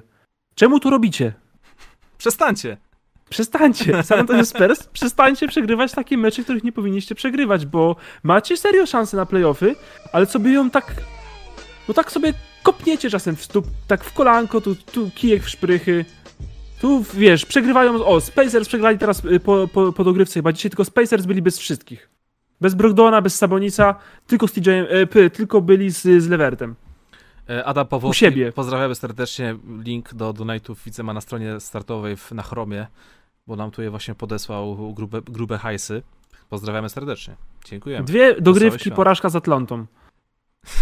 Po co to robić? Ja, sorry, bo ja ci przerwałem, a ty jeszcze jesteś y, w, Nie, środku, mów, bo dobrze, bo, w bo środku ja rantu. przewijam, w środku bo ja rantu w przewijam. stosunku do San Antonio. Okej, dobra. ja przewijam i, i, i wiesz, piekle się. San Antonio over. No z Kings przegrali 20 punktami, nie. Tak, Dobra. no tak, under, under. Cleveland też nie rzuci stówki nawet, jedni ani drudzy nie rzucą stówki. Y, San Antonio Spurs under. Dobrze. Okej, dziękujemy bardzo. To był najbardziej profesjonalny kącik typerski Noin w karierze. Wybaczcie, Trudne że, wybaczcie, że mamy taki, a nie inny kalendarz. Mamy nadzieję, że za tydzień w poniedziałek em, będą lepsze mecze niż dziś. Ej, może to ja wcale dobrze nie obstawiam w tej edycji, tylko po prostu ona jest taka bez sensu i dlatego jestem tak wysoko, bo to jest przypadek. Lub- Nie wiem, ale chciałem tylko wspomnieć, wspomnieć, to szalenie ważna kwestia. Jestem zbulwersowany tym, że e, w tej oraz poprzedniej rundzie okazało się, że mieliśmy na lidze oszusta, któremu udało się ogarnąć jakieś tam furtki w kodzie, żeby zmieniać wyniki meczów już w trakcie, bądź nawet po odbyciu się tego meczu. Oczywiście nasi cudowni pro programiści z Noina w porę to ogarnęli, więc nagrody nie poleciały do tych gości um, i zostali zbanowani z ligi, ale za sam fakt po prostu, jak się o tym dowiedziałem, poczułem się bardzo mocno zniesmaczony, bo liga e, polega na tym, żeby się po prostu dobrze bawić, fajne, fajne społeczności, typować sobie za darmo meczyki i jak się jest dobrym, to ewentualnie wygrać jakieś tam gadżeciki w stylu właśnie książek czy, czy, czy słuchawek, a tutaj dostaliśmy gościa, który stwierdził, że musi po prostu e, włamać się, żeby wygrać, nie wiem, słuchawki czy książkę. Nie wiem, strasznie Nie się, warto. Ja, strasznie się poczułem zbulwersowany tym, tym bardziej, że wiemy o kogo chodzi, wiemy, wiemy kim jest ta osoba, więc, więc y, no taki po prostu niesmak zostaje, bo jeśli próbujesz oszu- oszukiwać kogokolwiek, cokolwiek, gdziekolwiek, prawda prędzej czy później wychodzi na jaw i później tylko wychodzisz na, na oszusta, więc, więc nie fajnie. to życie na krawędzi was zgubi kiedyś. Pamię- Pamiętajcie, że nie warto. Ja byłem na szczycie dwa dni i wiecie, ile mnie to kosztowało. ja wiem, o czym mówię. Tak jest. Dobrze, dziękujemy bardzo. Kącik typerski, Noin i lecimy z Donate. Ja pierniczę wyłączyłem Donate 800, gdzie ją zbieraliśmy. Bartek, to jest, to jest szalone, to jest naprawdę szalone. Obfite święta. Okej. Em, lecimy z donatami. Uwaga, ciekawostka. Pierwszy donate wleciał dzisiaj o godzinie, uwaga, uwaga, 12.30. To jest niezły czas. Tak. Kolega, który wysłał tego donata, e, po prostu stwierdził, że weźle teraz, bo i tak nie odpowiadają na bieżąco, więc wyślę, oni później odpowiedzą pewnie około 22. Więc, więc tak to właśnie wyglądało. Okej. Lecimy od początku. Pierwszy donate, a przepraszam, dwu- 12.56. Ajajaj, no i pomyłka. Pomyłka, tak jest. Ale patrz, jak grubo zaczął. Kolega Center wysłał nam 5 dyszek i powiedział: Do kącika sucharków dorzucam. Idzie Chopin i Bach. Chodzi o Słyszałem slapstick. ten Bartek, to suchar? jest slapstick. Tak, słyszałem ten suchar w jakimś serialu albo filmie, który widziałem w ciągu ostatnich czterech dni. Mhm. Wiem w czym, nie wiem w czym. Zastanów się dobrze. Nie wiem w czym. Kurczę, powiedziała jakaś kobieta w samochodzie. Jak kobieta w samochodzie, to brzmi jak jakiś na przykład YouTube'owy stand-up. Nie, to prędzej był The Office, nie pamiętam. Ale słyszałem dokładnie ten suchar e, w ciągu ostatnich kilku dni. On nie jest taki śmieszny. Idziemy dalej. Jak nie jest śmieszny, skoro był w The Office? Nie jest aż taki śmieszny. Dobrze. Mam też jednego suchara oczywiście. Łukasz, Kącik dobrze. miłości MC Silka. Kącik, miłości, kącik sucharów y, MC Silka. Miłości do, do MC Silka też. Też mam jeszcze jeden dowcip, za chwilę powiem. Tak, Co? E, mieliśmy buyouty. Właśnie, buyouty. Dzięki Kacpus, bo to nie to, że byłem taki mądry. tak. Kacpus. Tak e, jest. Dzięki, dzięki wielki Kacpus, pozdrawiamy. Em, ciekawy temat z tymi buyoutami, bo o tym gadaliśmy już tydzień temu i jest jednak pewna niesprawiedliwość w tym, że tacy zawodnicy, którzy zarabia- zarabiają okrutnie duże pieniądze, mogą po prostu w miarę w jakiś tam cwany sposób, nie wiem, wybłagać, rozegrać to jakoś tam mniej lub bardziej politycznie, e, mieć super cwanego agenta, który tam wszystkich obrobi w okolicy i później Drummond trafia do Lakers, a na Marcus Aldridge i Blake Griffin trafiają do Brooklyn Nets, podczas gdy cała reszta drużyn jakby mm, obchodzi się, obchodzi się smakiem zawodnikami, którzy też mają mieć jakąś tam wartość dodatnią do innych drużyn, które może niekoniecznie wydają się faworytami. I ostatnio czytałem artykuł na ten temat, że bardzo wiele drużyn, właśnie innych niż Brooklyn czy Los Angeles, jest poirytowanych, e, poi- poirytowanych całym, całym tym prawem związanym z, z, z kontraktami, z buyoutami i tym, że później zawodnik może sobie wybierać e, drużynę, do jakiej chce trafić. I tutaj mam, mam też takie pytanko. Jak myślisz, jak można byłoby to naprawić? Bo wiesz, według mnie to jest bardzo niesprawiedliwe w stosunku do tych zawodników, bo na nich troszkę tam hejtu się wyleje, na takiego Griffina, czy Lamarcusa, czy Dramonda, że idą na łatwiznę, ale za miesiąc nikt o tym nie będzie pamiętał. E, dwie sprawy. Pierwsza, Michał Kisiel dobrze podpowiedział, to było w ślubie od pierwszego wejrzenia. A był Co- suchar. Co ty oglądałeś? Łukasz, to jest rozrywka dla mas. Nie ma sanatorium miłości i coś trzeba robić w środy, Okej. wieczór. Eee, wiesz co, moim zdaniem to jest. e, Ja się szczerze mówiąc bardzo dziwię, że ta- rozmowa się w ogóle odbywa i ja mam tylko jedno zdanie do słabych drużyn, które narzekają, że ludzie z buyoutów nie przechodzą słabych drużyn. Słabe drużyny, jeśli was tak to boli, że wykupieni zawodnicy, którzy są wolnymi agentami, idą do drużyn, które wybierają, to ich chyba nie wykupujcie. Ale widzisz, on, czasem muszą. Nie wiem, Nie może... muszą, może- odsuńcie sobie słuchaj, ich do końca sezonu, jak was tak to strasznie boli, że zawodnik, którego zwolniliście wy sami z kontraktu, wybiera sobie drużynę, to go nie zwalniajcie z kontraktu. Niech siedzi na ławce do końca sezonu, trenuje u was. Dziś czytałem taką in, y, dwie możliwości, w jaki sposób to wyrównać, że jeśli na przykład pozbywasz się zawodnika, w sensie wykupujesz kontrakt, a później on wybiera jakąkolwiek drużynę i tu już nie masz na to żadnego wpływu, to żebyś przypadkiem otrzymał jakiś pik w drafcie za tego zawodnika. Bo wiesz, bo to jest śmieszne, kiedy później patrzysz na payroll Brooklyn Nets i widzisz, że Blake Griffin dostaje pół miliona, nie? Wiesz co, no nie do końca, bo to jest, wiesz, bo to jest pozostająca pensja do końca sezonu, a zawsze te buyouty są pod koniec sezonu. Mhm. Ja w ogóle nie rozumiem tej rozmowy. Szczerze mówiąc, dla mnie to nie jest niesprawiedliwe. To jest kurczę, zwalniasz zawodnika z kontraktu, jest wolnym agentem. Mhm. i wybiera dobrą drużynę, no to w sensie, wiesz, to ja ci powiem tak, no słaba drużyna, nie wykupuj zawodnika, jeśli nie chcesz, żeby poszedł do dobrej drużyny, albo nie bądź słaby. Okej, Ja dobra, wiem, że to brzmi ale- trochę głupio, ale, ale ja nie rozumiem tej dyskusji kompletnie. I żad, jaka nagroda w ogóle? Da, z, z, z, słaba drużyna dała durny kontrakt, który był za wysoki, za długi, nie potrafili znaleźć żadnego trade'u za tego zawodnika i uznali, że lepiej dać mu pieniądze za nic, niż się z nim męczyć. I taki zawodnik, którego nie chcecie, bo to jest tak, zawodnicy wykupowani są zawodnicy, których nikt nie chce. Pojedzie sobie do jakiejś dobrej drużyny i mówi, ola Boga, koniec świata, słaby zawodnik, którego nikt nie chciał, poszedł do dobrej drużyny, bo był wolnym agentem i mógł wybrać. Ajajaj, dajcie mi pich albo pieniądze. Chwilę temu gadaliśmy o Drew Holidayu, który dostanie 160 milionów za 4 lata. Słaba drużyna czasem musi przepłacić zawodnika i pewnie po dwóch, trzech latach się łapie, na tym łapie, że to, e, że dobra, jesteśmy w takiej, a nie innej sytuacji i nic więcej nie możemy zrobić, więc trudno, jesteśmy słabą drużyną, przepłaciliśmy średniego zawodnika, musimy coś z tym zrobić. Ale wiesz, tacy To Lakers... wykupujemy go i przyznajemy się do błędu i żyjemy z tym, w sensie popełniliśmy błąd. Nasz Ale ym, mówimy menadżer... o słabych drużynach, oni muszą popełniać takie błędy. Ale da się też nie do końca popełniać tylko takie błędy. W sensie, no są drużyny, które mają dobre podpisania i są te, które mają złe i zazwyczaj te, które mają złe, mają je całkiem regularnie. I to one dostarczają tych ludzi na rynek buyoutów, bo koniec końców nikt nie zmusza nikogo do wykupienia kontraktu. Nie da się zmusić drużyny, żeby zawodnika zwolniła. Jak się uprą, to mogą mu kazać siedzieć 3 miesiące, płacić mu takie same pieniądze, jak mu zapłacili przy wykupieniu i niech, nie, niech sobie po prostu trenuje i tyle. Nikt nie każe ci, e, ci go wykupywać. Okej.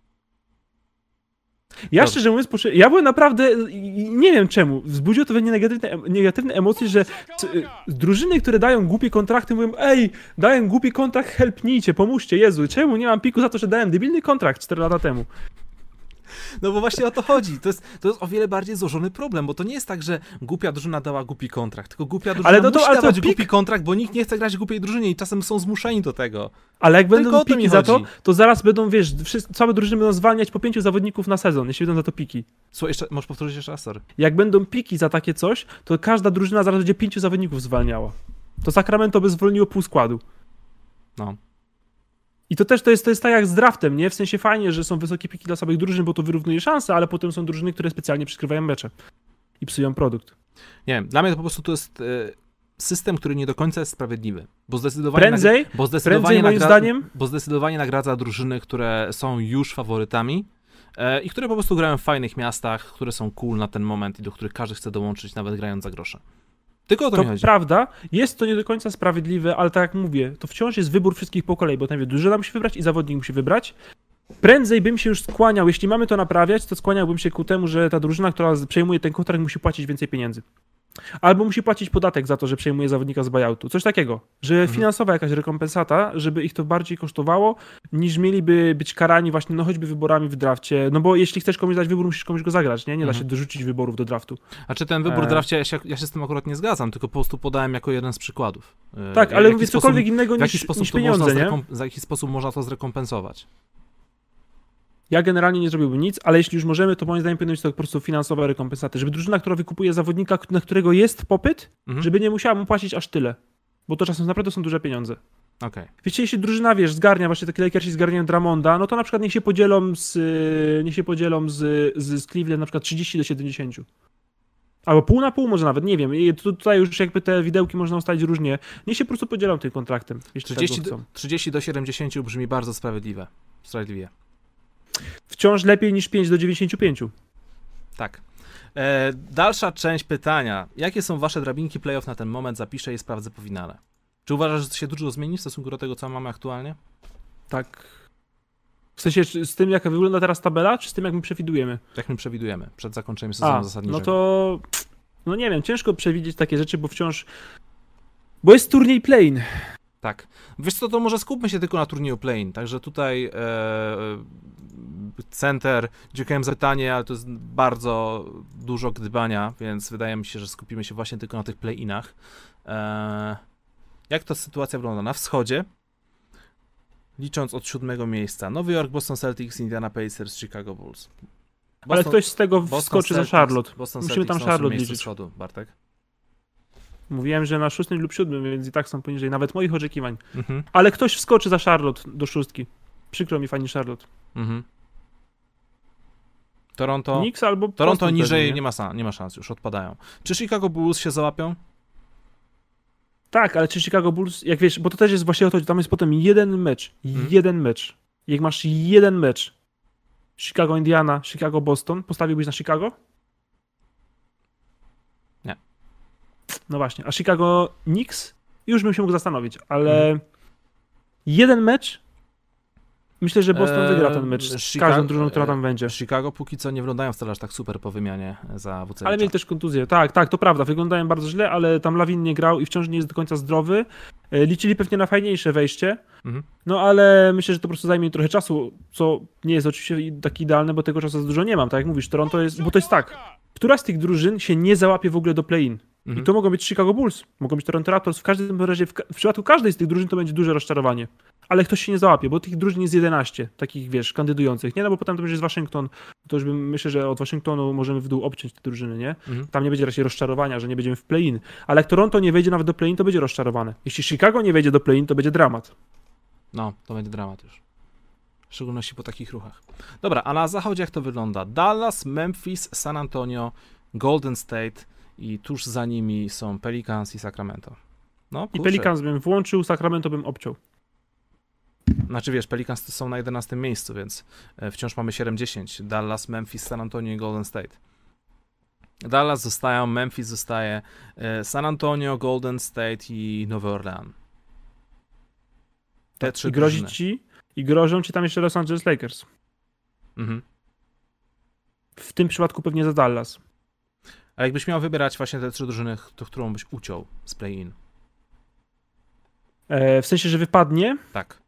nie wiem kto wypadnie. Ciężko mi naprawdę powiedzieć, ale jeśli Warriors lub Pelicans się dostaną, to myślę, że wygrają mecze z Memphis i San Antonio. Jeden mecz. Mhm. jest jeden mecz.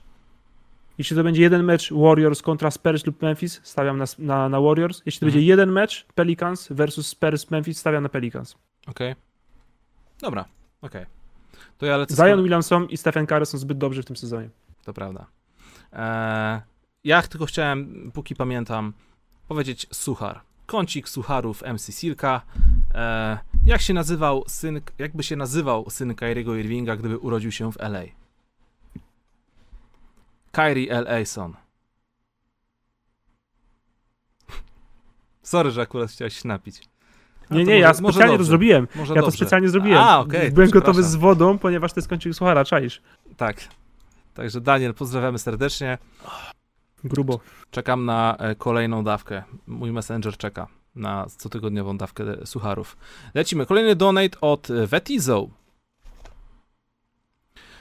Siema, ostatnio często Bartek daje jakieś filmowe polecenia, więc dzisiaj moja kolej. Co sądzicie o Last Chance You, koszykówka na Netflixie? Jak wasze wrażenia? Jeśli nie oglądaliście, to polecam wam i każdemu, kto się interesuje koszykówką. Pozdro.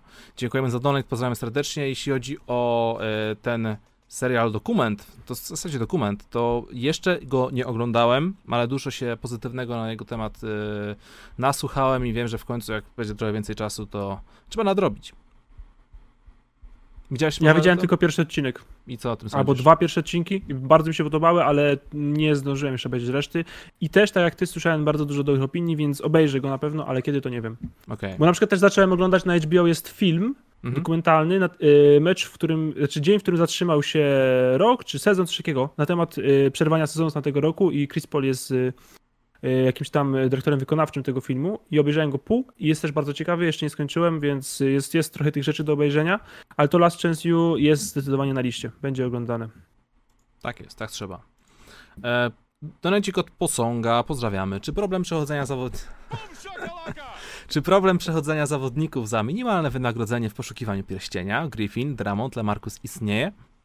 I czy Srebrny powinien coś z tym zrobić, czy w ogóle istnieje rozwiązanie? Pozdro i dzięki za kolejny poniedziałek. No to Posąg, właśnie przed chwilką o tym gadaliśmy i e, prawie, się, prawie się rozstaliśmy. Friendship with Bartek prawie ended e, po, naszych, po naszych dyskusjach, więc...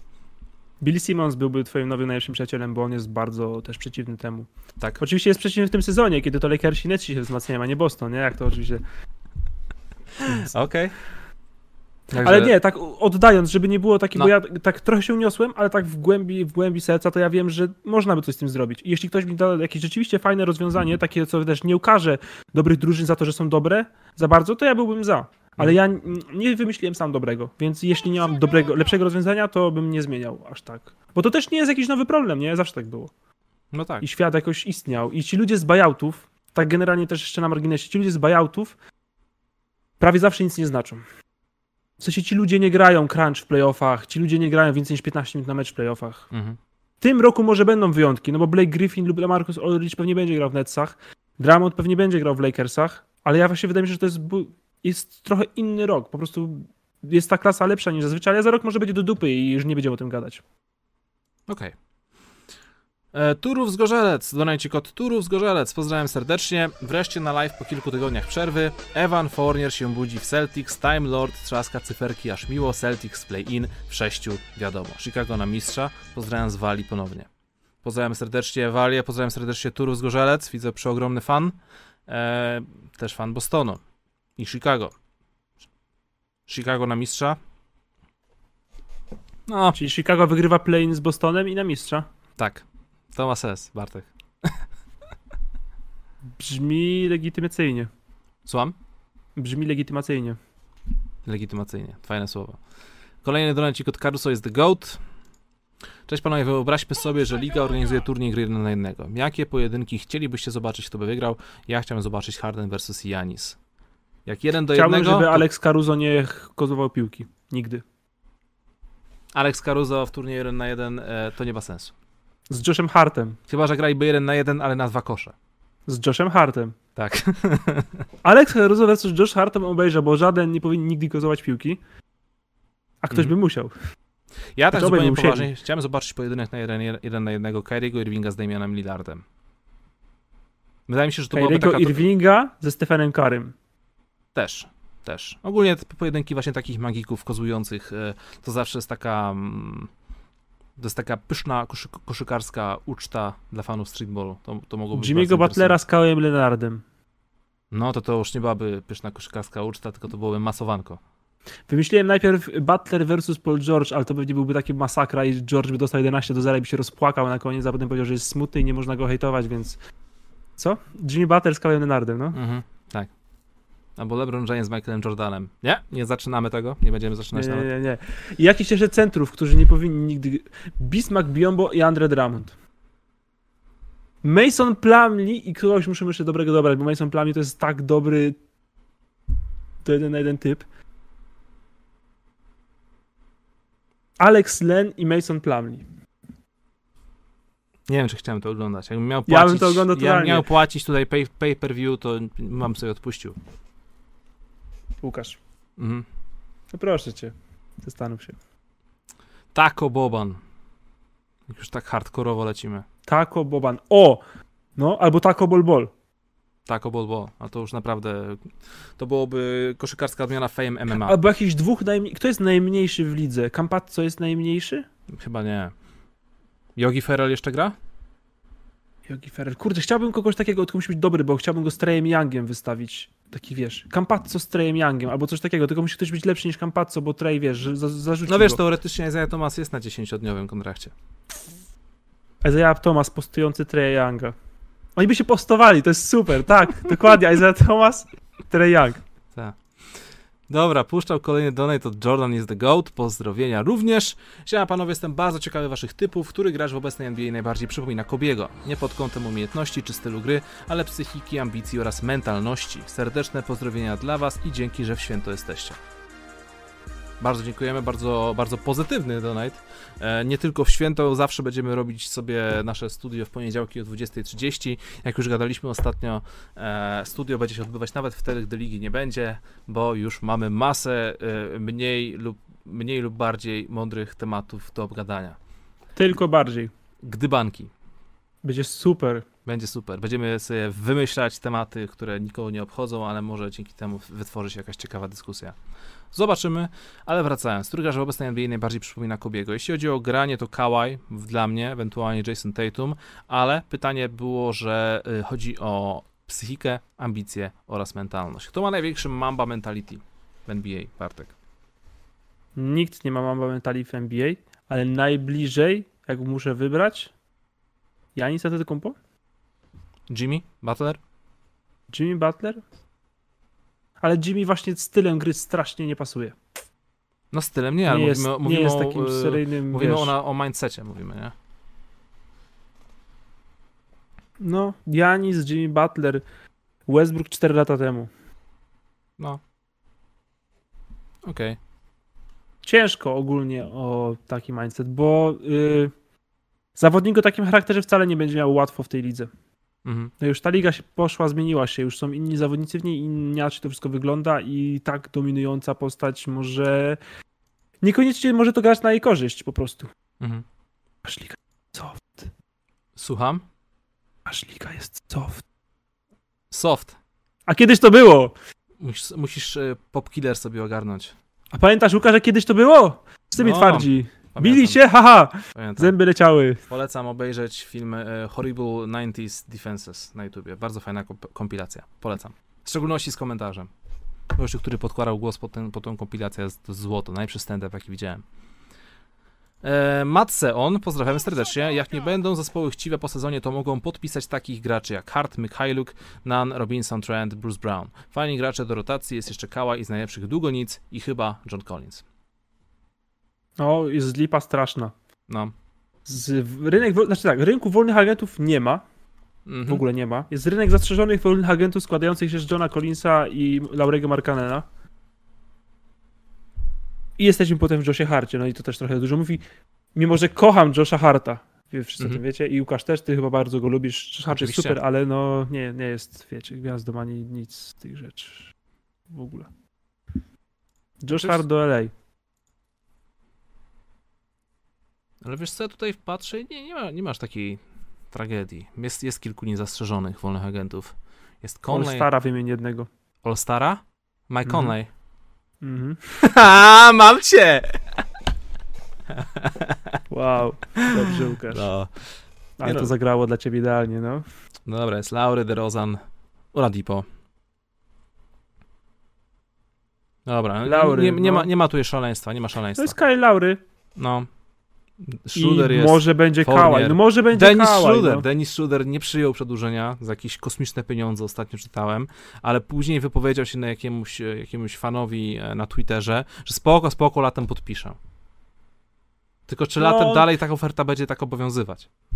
Właśnie wiesz co, to jest ciekawe, bo, e, bo jest tak, on mówi od początku, że chce testować. Po prostu Lakersi dają mu te przedłużenia jakby tak bardziej kurtuazji, w sensie pokazujemy mu, że chcemy cię, nie? Ale Mhm. on od początku mówił, że on chce przetestować rynek wolnych agentów, ale za rok nie ma zawodników, nie ma konkurencji i prawie nikt nie ma kasy. I on nawet może nie dostać tyle. Ja bym się... Nie, się chciałbym bardzo, ale to się pewnie nie wydarzy, żeby podpisał w końcu z Lakersami za mniej. Bo tak to się powinno skończyć, bo ja nie wiem, od kogo miałby takie pieniądze dostać.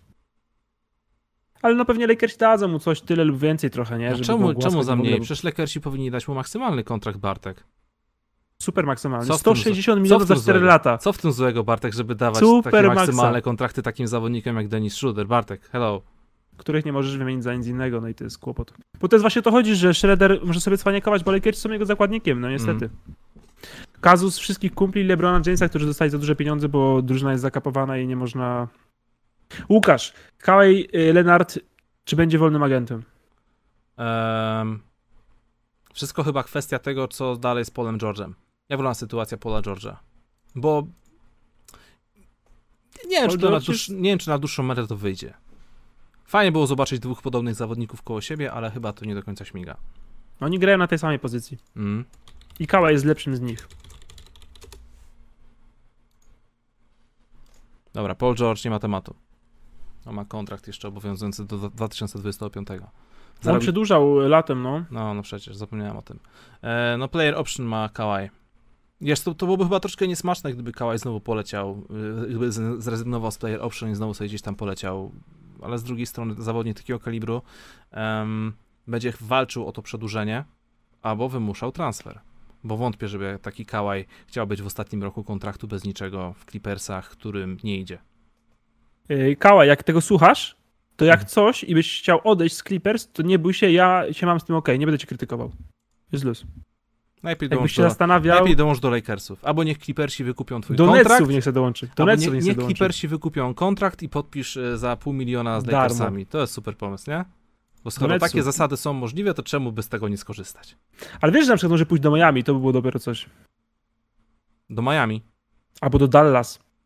No to już prędzej. To W Ma- są drużyny, wiesz, które w- będą miały pieniądze. Wiesz, w Miami to już jest Butler i Oladipo i fajnie byłoby zobaczyć, jak im to tam pójdzie.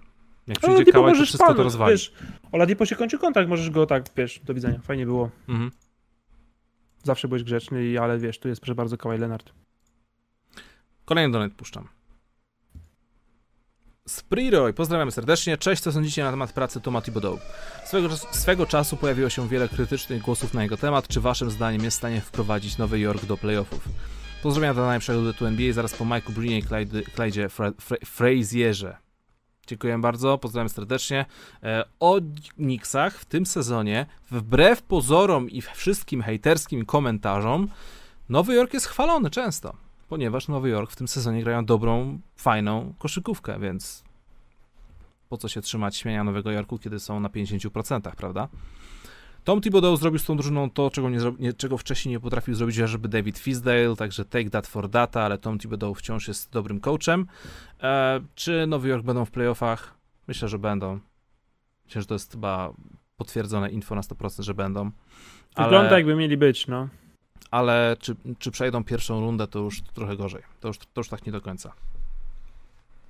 Ale mimo wszystko. No, ale to Awans nawet do wiesz, ta to już pierwsza to już sukces. Jasne, Mhm. że tak. E, Wygląda na to, że będą. Co już jest czymś powyżej oczekiwań, bo nie wiem jak ty Łukasz, ja nie miałem jej w ósemce. Ja chyba, nie pamiętam, ale chyba też nie miałem. No, więc to My już jest powyżej się, my oczekiwań. się właśnie chyba śmialiśmy z tego, że to będzie powtórka z rozrywki, znowu będziemy mieć samych wysokich. E, no ale wyszło jak wyszło. Po prostu trener zrobił przeogromną robotę. Tom Thibodeau jest. E, Wygrywającym trenerem. tak. Nie rozwija może twoich młodych zawodników, może nie dba o najlepszą atmosferę, ale wygrywa mecze koszykówki. Tak W jest. sezonie regularnym, niezależnie od, wiesz, kosztów. Jeśli trzeba grać 30 minut 5 młodziakami, to gra, jeśli tego wymaga wygrywanie. Tak jest. E, kolejny donate. Ben Wallace is the GOAT. Dlaczego, dlaczego Golden State grają tak słabo? Rozumiem kontuzję mm, KT, Kleja Thompsona, ale na papierze to nie wygląda aż tak źle, jak w grze. Kerry poza playoffami. Jak widzicie przyszłość Golden State Warriors. No, Stephen Curry jest e, ostatnio potwornie zawiedziony. Wysłał taką wiadomość wszystkim swoim zawodnikom, że, że okej, że to wszystko kuje, że to boli, ale to ma boleć i to właśnie jest wszystko po to, żebyśmy potrafili jakby mm, pokonać ten gorszy okres i, i, i podnieść się, bo o to właśnie chodzi też w koszykówce, żeby nauczyć się przegrywać, żeby później nauczyć się wygrywać. E, ale dobiło wszystko, słabo to wygląda, tak, cały czas. Jak, jak widzimy przyszłość Golden State, Bartek? Nie grałem tak słabo, kiedy Karę gra w koszykówkę. Bez Karego grałem tragicznie, to jest, y, jest różnica. I to jest E, dowód na to, że jest MVP, prawda? Jako zawodnik, oka, ale jako, jako zawodnik, który robi największą różnicę dla swojego, dla swojego zespołu. Tak, w tym kryterium jest, ale nie dostaje tej nagrody. Bo Może takie są Night po prostu dziwne, dziwne światy. E, ale. Co miałem mówić? Mhm. Przyszłość Golden State. Y, transfer Uber i playoffy za rok z Clayem Thompsonem. Jezu, oby Clay Thompson wrócił na jakieś 75%. Błagam, bo to są dwie bardzo poważne kontuzje i on może wcale nie wrócić. W sensie będzie grał, ale może to już nie być w ogóle Clay Thompson. I ja się tego tak boję. Mhm. Clay, błagam, wróć. Na 3 czwarte chociaż. Ja bym bardzo chciał zobaczyć. Ja chcę zobaczyć kleja ognistego, a nie wodnego. A? Kto widział, ten wie. Tak jest. Ja Kolejny- widziałem. Kolejny donate był od Perdiego. Witam upośledzone studio NBA. Dziękujemy za 10 zł. To nas, Bartek. E, Kolejny donate od Niuniu. Tutaj zaszalał kolega. Pozdrowienia dla profesjonalistów. Donate bez pytania. Wróciłem właśnie ze chrzcin i nie wiem kiedy mi się zamknie oko. Ale w razie co, jutro odsłuch 100 lat dla Michalinki. Niuniu zaszalał strasznie. Kolejny tydzień, w którym sypnął groszem. Bardzo dziękujemy za każdą formę tutaj wsparcia. No i co? I pozdrawiamy serdecznie Ciebie oraz Michalinkę. Pozdrawiam Michalinkę. Tak jest. E, Znałem kole- kiedyś Michalinę. Znałeś jakąś Michalinę, Łukasz? Michalina chyba nie. A. To widzisz, to masz, znasz tą z Donata. Okej. Average MVB, MVB Enjoyer. Fajna ksywa, nie? Fajna, no. E, pozdrawiamy. radość. Siemanko, powiedzcie coś ogólnie o postawie Golden State kolego Ubre w tym sezonie. Czy według was Golden State bez Kerego w tym sezonie walczyliby o ostatnie miejsce z Minnesotą? Pozdrawiam profesjonalny student NBA prowadzący jak zawsze idealna linię włosów. Dziękuję bardzo. Sympatyczne. Trzeba dobrze wyglądać zawsze. Widziałeś komentarz Richarda Jeffersona pod e, zwiastunem kosmicznego meczu? Ta o hairline, no. Tak, że efekty specjalne zrobiły po prostu idealny hairline u LeBrona Jamesa. Tak, tak, Super. Dokładnie. No, więc o Golden State chwilę gadaliśmy przed chwilą, ale tu jest właśnie ciekawe pytanie, czy Golden State bez Kerego w tym sezonie walczyliby ostatnie miejsce z Minnesotą. Mogliby. Mogliby, ostatnio. No. Śmiało by mogli. Chyba, że nagle okazałoby się, że Andrew Wiggins czy Kelly Oubre, gdyby dostali faktycznie klucze do tego, żeby być opcjami numer jeden, to zastanawiam się, zastanawiam się, czy oni wtedy by potrafili skoczyć na wyższy poziom. Otóż nie. Czy ten pociąg już odjechał. Żaden z nich nie potrafi kozłować. Andre Wiggins się nie nauczył nic kozłowania, odkąd wszedł do ligi. Kelly Oubre też lepiej sobie radzi bez piłki niż z piłką. I więc nie wydaje mi się, że oni mogliby. Bo to właśnie jeśli ktoś ma taki, wiesz, zrobić postęp, to powinien, powinien być w stanie sobie kierować pozycję sam Mhm. z piłką. A ci goście tego nie potrafią robić.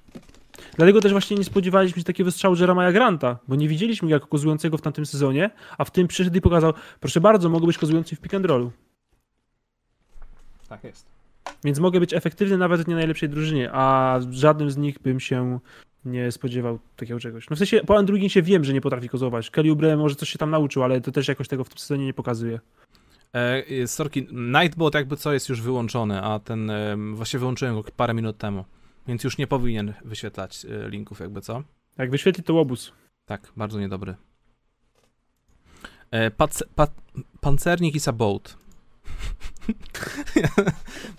Mordeczki, jakie jest wasze top 3, jakie jest wasze top 3 kandydatów na DPOY a, i też o top 3 trenerów w lidze w tym sezonie bym prosił, czy Tom Thibodeau się łapie? O, here we go again. Is the boat.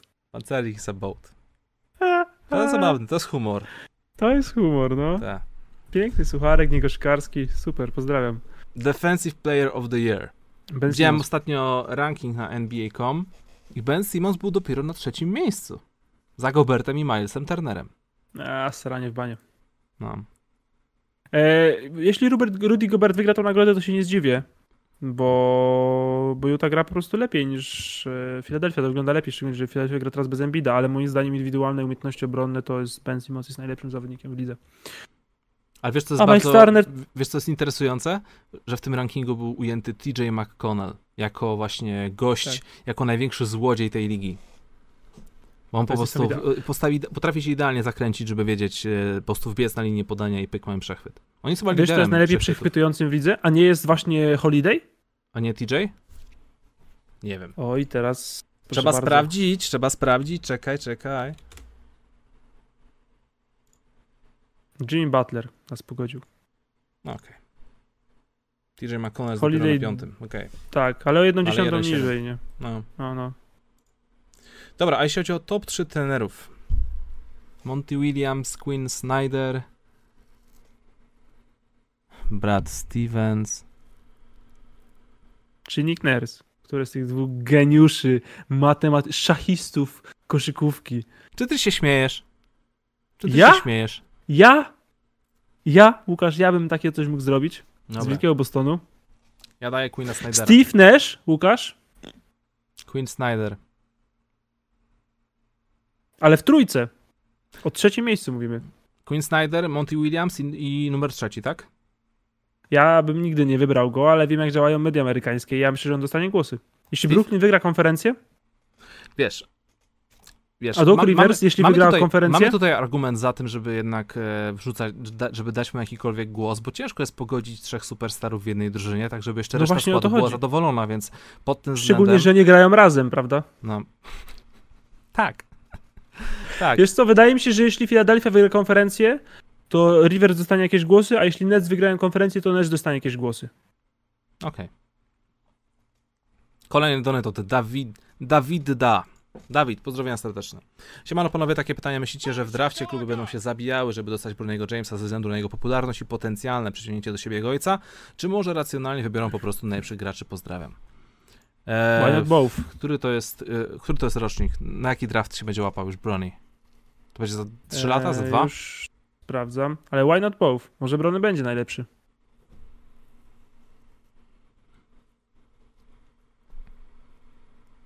Włączyłem jakiś na ciebie, Bartek. clickbaitowy. W dwa ty... nie. 2023 rok chyba. Mhm. Jeśli mnie nie kłamie strona internetowa sportscasting.com. Okej.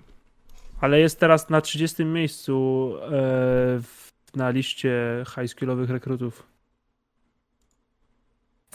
Więc może być kiepsko. O nie, 2024, dobra, 2024 rok. A, Ale jak jest co, Jak jest dopiero na 30 na liście, to jest troszkę sporo. ale więc, ma to szans, wszystko... więc ma szansę na top 10, żeby y, tutaj spotkać się z kazusem Kostasa bądź Stanazisa.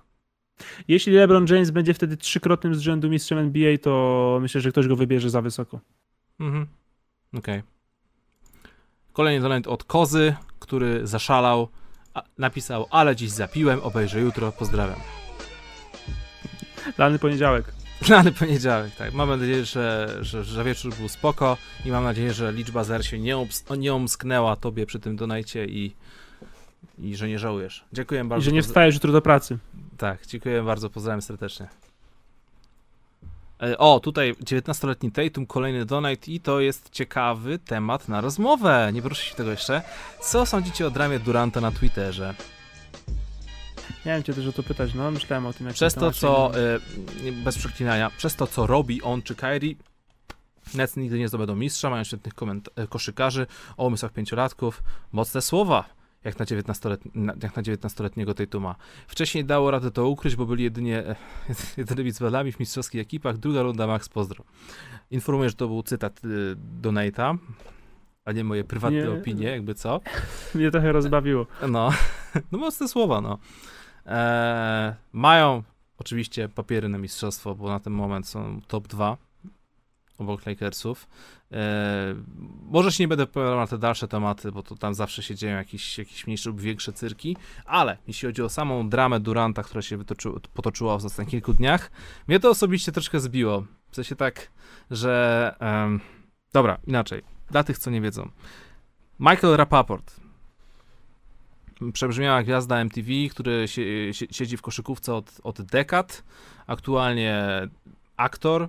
Widziałem go w jednym bardzo świetnym serialu ostatnio o e, autyzmie. Serial się nazywa Atypowy, jakby co polecam serdecznie, tutaj też bardzo fajnie zagrał. E, wypuścił publicznie screeny swoich własnych, prywatnych rozmów z Kevinem Durantem i te rozmowy powiedzmy były dość mocno, Wulgarne. dość mocno wulgarne, wręcz takie zakrapiane nienawiścią. Niektóre teksty były wręcz e, zahaczały o taki drobny rasizm, ale wierzymy w takich czasach, że teraz, wiesz, wszy- wszystko można teraz podłapać pod rasizm, więc tutaj to może być po prostu troszkę zbyt e, przekoloryzowana mm, zbyt przekoloryzowane te, no, inter, przekoloryzowana interpretacja, ale sam fakt, że to wypłynęło i co tam Dar, Durant wypisywał, no jest to taki dość hardcore, taka dość hardkorowa sytuacja i obawiam się, że gdyby, em, gdyby była to konwersacja z Meyersem Lenardem, to Meyersa Lenarda już by nie było w lidze. Ja się dziwię, że Liga nic nie zrobiła w tej sprawie. Wiesz, te symbolicznie jakieś tam, wiesz, 25 tysięcy kary, nie? Takie Nie, pseudokary. nie no, tam 50 koła dostał kary bodajże za coś takiego. A, dostał 50, No. przepraszam, tak, racja, okej. Cofam, cofam, masz rację. E, E, Ja- ja... się bardzo nie wczytywałem w to, tak, bo Znaczy, nie jest to jakiś temat, który mnie To, był, grzeje, to był ale zwykły jad, to był zwykły jad. ale to było nie było takie- co, to nie było co czytać, to, to było niesmaczne, to było słabe. Em, I z jednej strony, nie wiem, ja czasem kłócę się z kumplami i też używamy wobec siebie bardzo wulgarnych tekstów, ale dlatego, bo się tak po prostu, nie wiem, to jest taka forma e, takiego przekomarzania się, bo się lubimy, ale nie ma w tym takiej nie, nienawiści. A między słowami Rapaporta i Duranta dało się wyczuć tę nienawiść. Że to już nie jest takie hamskie, koleżeńskie obrażanie się, tylko to już są, wiesz, praktycznie groźby, nie? To już jest takie próba poniżenia drugiego osoba w taki najprawdziwszy sposób. I tak mi się to, wiesz, nie pierwszy raz, kiedy dowiadujemy się, że Durant wy, wypisuje pierdoły w internecie, mm, ale mimo wszystko wyglądało to naprawdę bardzo słabo. I, i, i Durant, sorry, no ale nawet jeśli ma... jeśli, nawet jeśli ma takie myśli w głowie i ma takie opinie na temat takich ludzi jak Michael Rapaport, to powinien wiedzieć, że ze względu na swój status społeczny nie powinien takich rzeczy przelewać nawet nie na papier, tylko właśnie na e, dyskusje swoje w DM-ach z kimś innym, bo to prędzej czy później może zostać obrócone przeciwko niemu. Żyjemy w internecie, nie? Tych screenów wyszedł mały człowiek. Tak to wyglądało. No. To nie znaczy, że do końca nim jest, bo są tylko jedna rozmowa, ale ja byłem w szoku, szczerze mówiąc. W sensie na początku myślałem, że to jest jakiś fake. Mhm. Potem to przeczytałem drugi raz, jak się okazało, że tam właśnie, że, że rzeczywiście to jest to. Ja myślę, serio? Szczerze jestem, jestem naprawdę zawiedziony i zszokowany. No. Nie, nie, rozumiem, nie rozumiem nic w ogóle z tego i Kevin Durant dorośni? Mhm. Ciężko będzie. Ja w tak współczuję Steve'owi Naszowi, że ja chyba bardziej mu współczuję niż Stefanowi Silasowi. No i co? Kamil napisał, że wolność słowa, niech ka- każdy mówi co chce. Oczywiście, no każdy może mówić co chce, no ale No i każdy może pokazywać, co mu ktoś powiedział, jak chce. Mm, Każdy też może mówić, co chce, i z reguły jest jakby to, co, to, co mówisz, jest odzwierciedleniem tego, jakim jesteś człowiekiem. Więc po tym, co przeczytałem z, y, z wiadomości Kevina Duranta, domyślam się, że raczej nie chciałbym z nim kiedykolwiek pójść na piwko. Bo właśnie o to chodzi, Kamil, my mu nie odmawiamy przecież prawa do mówienia wulgarnie i bez sensu. Może sobie to robić, ale Mhm. no możemy to ocenić, skoro zrobił Wolność to no, prawie publicznie. Tak, no. Nie, no to, jest, to jest ciężki temat. y, No, nie pierwszy raz Kevin Durant zrobił głupią rzecz w internecie, ale no. Słabo się po prostu czyta takie rzeczy, bo zostawiam, tak, pozostawiają taki przeogromny niesmak. Ja tutaj kom, I Ja kom- nie, nie będę tutaj przyklaskiwał Durantowi za to, że pojechał Rapaporta.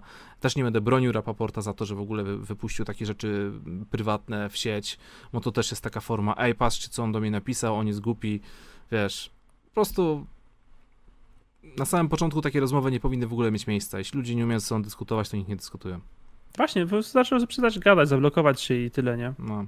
Cała ta sytuacja jest bez sensu i słaba, ale najgorsze w tym wszystkim jest to, co Kedi napisał. Bo ogólnie to Mhm. wszystko, ja to nie jest, też właśnie ze strony Rapaporta też nie jest smak, bo taki, po co to robisz w ogóle, nie? Mhm. I tak samo Kevin Durant, po co to piszesz? Więc e, Kevin Durant wróci na boisko, bo chyba masz znowu za dużo wolnego czasu. Zawsze tak jest, kiedy Durant jest kontuzjowany, to wtedy za, długo, za dużo siedzi w tym internecie. Dobra, lecimy dalej. Kolejny donate. Y, Macie rację, ja też rozumiem decyzję Porzingisa. Aha, okej, czyli to była odpowiedź do, do tematu z początku streamu. E, niestety boleję nad tym, Knicks jako organizacja nie stoją wysoko. Czy uważacie, że duża zasługa w tym Jamesa Dolana? Tak. Czy jest szansa, że Nowy Jork zostaną sprzedane przy takiej wartości całej organizacji? Nie, ponieważ Nowy Jork to jest kura znosząca złote jajo. Oni zarabiają fortunę i tam się raczej nic nie zmieni, ale fajne jest, kiedy James Dolan coraz bardziej jakby odchodzi y, do tyłu i, i stara się po prostu oddawać władzę, jeśli chodzi o kierowanie drużyny innym, bo to im naj, naj, najwidoczniej wychodzi na dobre. Oby się to nie zmieniło. Mhm. Żeby nie było tak, że coś się nie uda i wiesz, James Dolan wejdzie, proszę bardzo, cały na biało, zwalniam Toma Thibodeau i Juliusa Randla i, i proszę. I maksymalny kontrakt dla Laurego Markanena i on nas zbawi. Okej.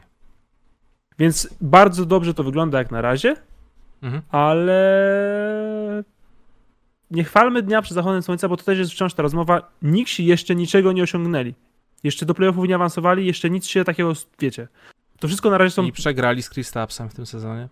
to są wciąż promyki słońca, ale to jeszcze nie jest środek dnia. Stary, Promiki Słońca to jest, kurczę, największy sukces Knicks w ostatniej dekadzie, więc nie odbiera im tego. To już jest coś. 50% zwycięstw y, to już jest coś. Więc ja po prostu patrzę na to, y, jeśli to jest kierunek ten właściwy, a nie jednorazowy wyskok, to ja to cieszę się, że jaram się tym już teraz, a nie na przykład za 3-4 lata, kiedy Knicks już będą stale meldować się w playoffach wschodu. Głęboko w to wierzę. Dobra, Bartek, ja wiem, okej, ja wiem. Kolejny donate? ja wiem. Jeszcze, czy jeszcze nie. Lecimy, lecimy. E, fan Peytona Pritcharda, pozdrowienia. E, Oj, Kipi, nie podobasz mi się. Boston słaby, Rob ogarnie tę drużynę i na plecach zabierze ją po misie. No dobra, może z pomocą Peytona. Oczywiście śmieszki jak zawsze, świetna robota, pozdro dla was. Dziękujemy, pozdrawiamy również. Co, co, co tu można o Bostonie powiedzieć? Dzwonimy do Patryka, żeby nam powiedział. Na, nawet Patryk, przeogromny fan Bostonu, znawca Boston Celtics, yy, pisze wprost, że wygląda to naprawdę bardzo, bardzo słabo, więc, więc nie wiem, czy jest tutaj coś do obrony. Boston, tak szczerze mówiąc, bo to jest uznana marka, ale tak odsuwając wszystkie uczucia, Boston jest na tyle przeciętną drużyną w tym sezonie, że nie wydaje mi się, żeby było warto na nich spędzać za dużo czasu. Oni po prostu są. Nie są historią tego sezonu. Mhm. Ale są Nawet historią jeśli- samą w sobie, to jest Boston Celtics. Dlatego tak, to zawsze są boli, marką. kiedy e, zawsze boli, kiedy tak bardzo dostają w ciry i grają sezon poniżej, poniżej oczekiwań. Gdyby to była inna drużyna niż Boston Celtics, to po prostu byśmy o niej nie mówili. Wiesz o co chodzi? Ale to jest Tak, Boston. tak, właśnie o to Wielki chodzi, o Boston to chodzi, no. Celtics, wiesz, zielony Najlepszy kolor na piersi. Age, super Naj- menadżer, Tak, same Brad sukcesy, Stevens, najlepsze 19-letni piki. Tatum, Jalen Brown, super drużyna i to nie działa. Dlatego to jest takie, dlatego to jest takie, wiesz, dlatego to kuje. No kuje. Mi też się to nie podoba, nie? Przecież ja, wiesz, e, idealny scenariusz dla ligi i ja też bym był w niebo wzięty, to na przykład finał Lakers Celtics. Ja bym się, super, chciałbym, żeby coś takiego było, ale no w Mhm. tym sezonie się to nie wydarzy. Być może z obu stron, ale na pewno ze strony Celtics. Największym highlightem Boston Celtics w tym sezonie to Insta Stories Paula Pierce'a.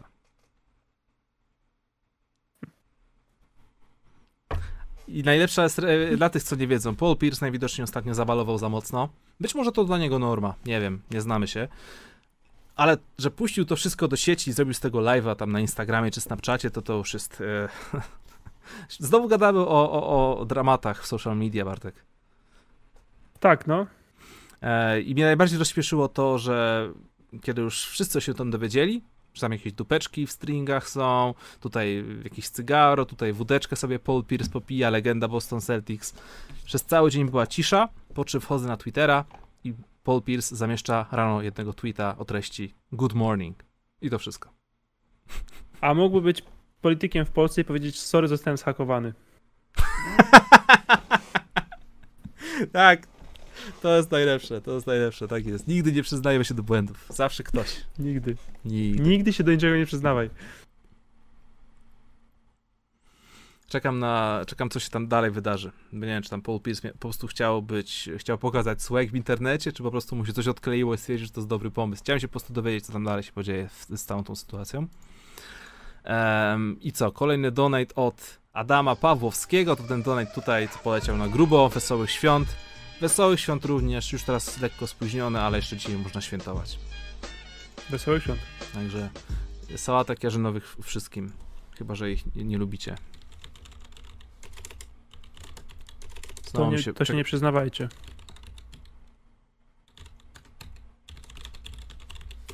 Nie sorry, bo cenzura.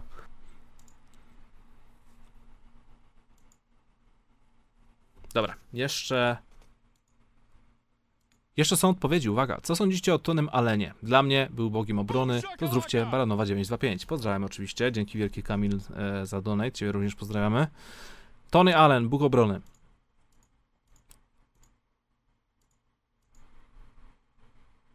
Ja uwielbiałem Tonego Allena i też tak myślałem, ale z perspektywy czasu muszę powiedzieć overrated. Overrated, mimo wszystko. Mimo wszystko. I był gwoździem do trumny Memphis Grizzlies. A dlaczego? W sytuacji, w którym Steve Kerr powiedział ej, Andrew Bogut będzie go krył, ale Andrew tak naprawdę stój w trumnie i broń wszystkich innych. i Memphis Grizzlies wyszli Mhm. i Tony Allen stał w rogu i nikt nie stał i na niego nawet nie patrzył i okazało się, ej, nie mamy ataku. Sorki, Tony Allen, ławka. Prostu liga chyba troszkę się zmieniła w ciągu ostatnich lat i taki Tony Allen w tym momencie już by nie był starterem, nie? O to chodzi, że po prostu Tonego Allena liga wypluła, już nawet w trakcie jego kariery, Mm. niestety. Ale powiesz coś dobrego o Tonym Allenie? Bo zaraz, Kochałem później- go. Bo zaraz będzie, że go szkalujemy, a to jest, wiesz... Kochałem bardzo, go, a Kobe Bryant powiedział o nim, zawodnik, który ma ogromny fanbase, wiesz jak jest. kochałem go, a to, Kobe Bryant powiedział o nim chyba, że to był najlepszy zawodnik, który go krył.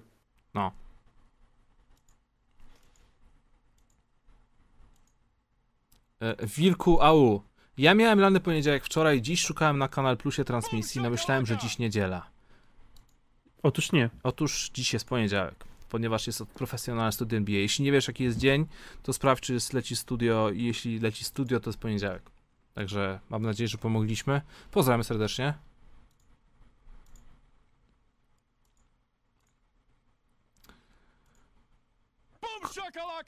Kolega, e, który też się podpisał bardzo sympatycznie, LeBron James. Pozdrawiamy. Miałem pojechać oglądać w czerwcu na Litwie mecze kwalifikacyjne do Igrzysk Olimpijskich, by obejrzeć pięknego Lukę Doncicia, złapać go za cyca.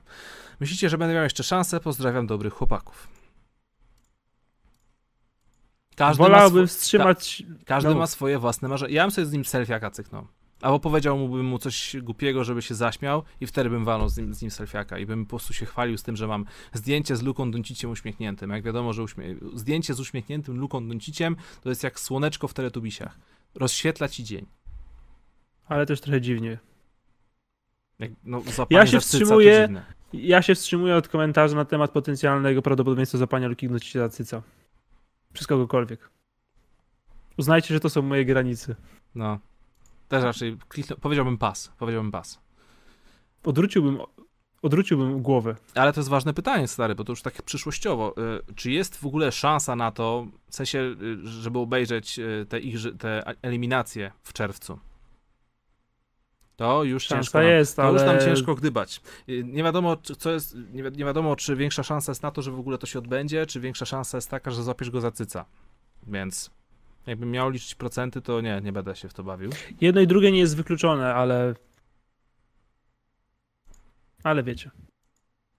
Stopa Jezusa, kolejny donate. Czy na ten moment ze wschodu Fila i Nets są najmocniejszymi rywalami dla Lakers, a z zachodu Suns i Denver? Otóż nie. A to czemuż? Ja myślę, że na zachodzie najgroźniejszym przeciwnikiem Lakersów są Clippers. Wciąż? Clippers? Wciąż Clippers, mhm, tak myślę. Myślę, że są najgorszym matchupem dla Lakersów. A na wschodzie. Wiesz, co ja wciąż czuję w głębi serduszka? Mhm. Że Miami Heat wyjdą ze wschodu. Nie jest to nierealne. Nie jest to nierealne i ja mam. Ciężko mi powiedzieć sobie uczciwie przed lustrem, że, że to będą Nets albo Sixers. Mhm. Ale Sixers myślę, że byliby ciężkim przeciwnikiem dla Lakers. Mają bardzo fizycznych obrońców na dobrych pozycjach. To prawda. Eee, nie obawiam się, szczerze mówiąc, Milwaukee Bucks. Nie wiem, wciąż to jest. Muszę. Zoba- uwierzę, jak zobaczę. To jest ta drużyna. Ja Nie skreślam ich. ja bym chciał zobaczyć Joela Embida, jak się właśnie tańczy, e, tańczy po wszystkich wysokich Lakers, oprócz Antonym Davisie. Mhm. No Jezu, nie Dramond. No. Ale doktor Gasol jest. Być może od tego.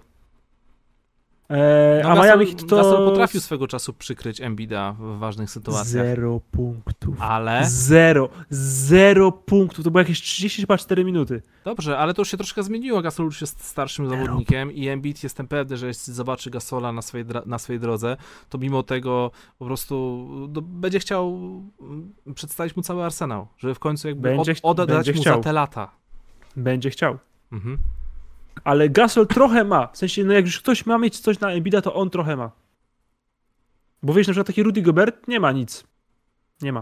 Nie ma Mhm. sukcesów, nie ma historii, wiesz. Mało kto ma historię radzenia sobie z Embidem oczywiście, nie? Ale jak ktoś już ma, to Gasol trochę ma. Więc to dobrze. Eee, ale kurczę, no wciąż wydaje mi się, że Miami są najgroźniejszym kandydatem do wyjścia ze wschodu, więc jednocześnie są autentycznie najgroźniejszym dla Lakersów. Ale ciężko mi ocenić ten potencjał. Wiesz co, strasznie się nie mogę doczekać, żeby Kevin Durant wrócił. Niech mi to, niech ci Netsi wrócą w pełnym składzie i na przykład, wiesz, wygrają dwa mecze 160 do 110. Mhm.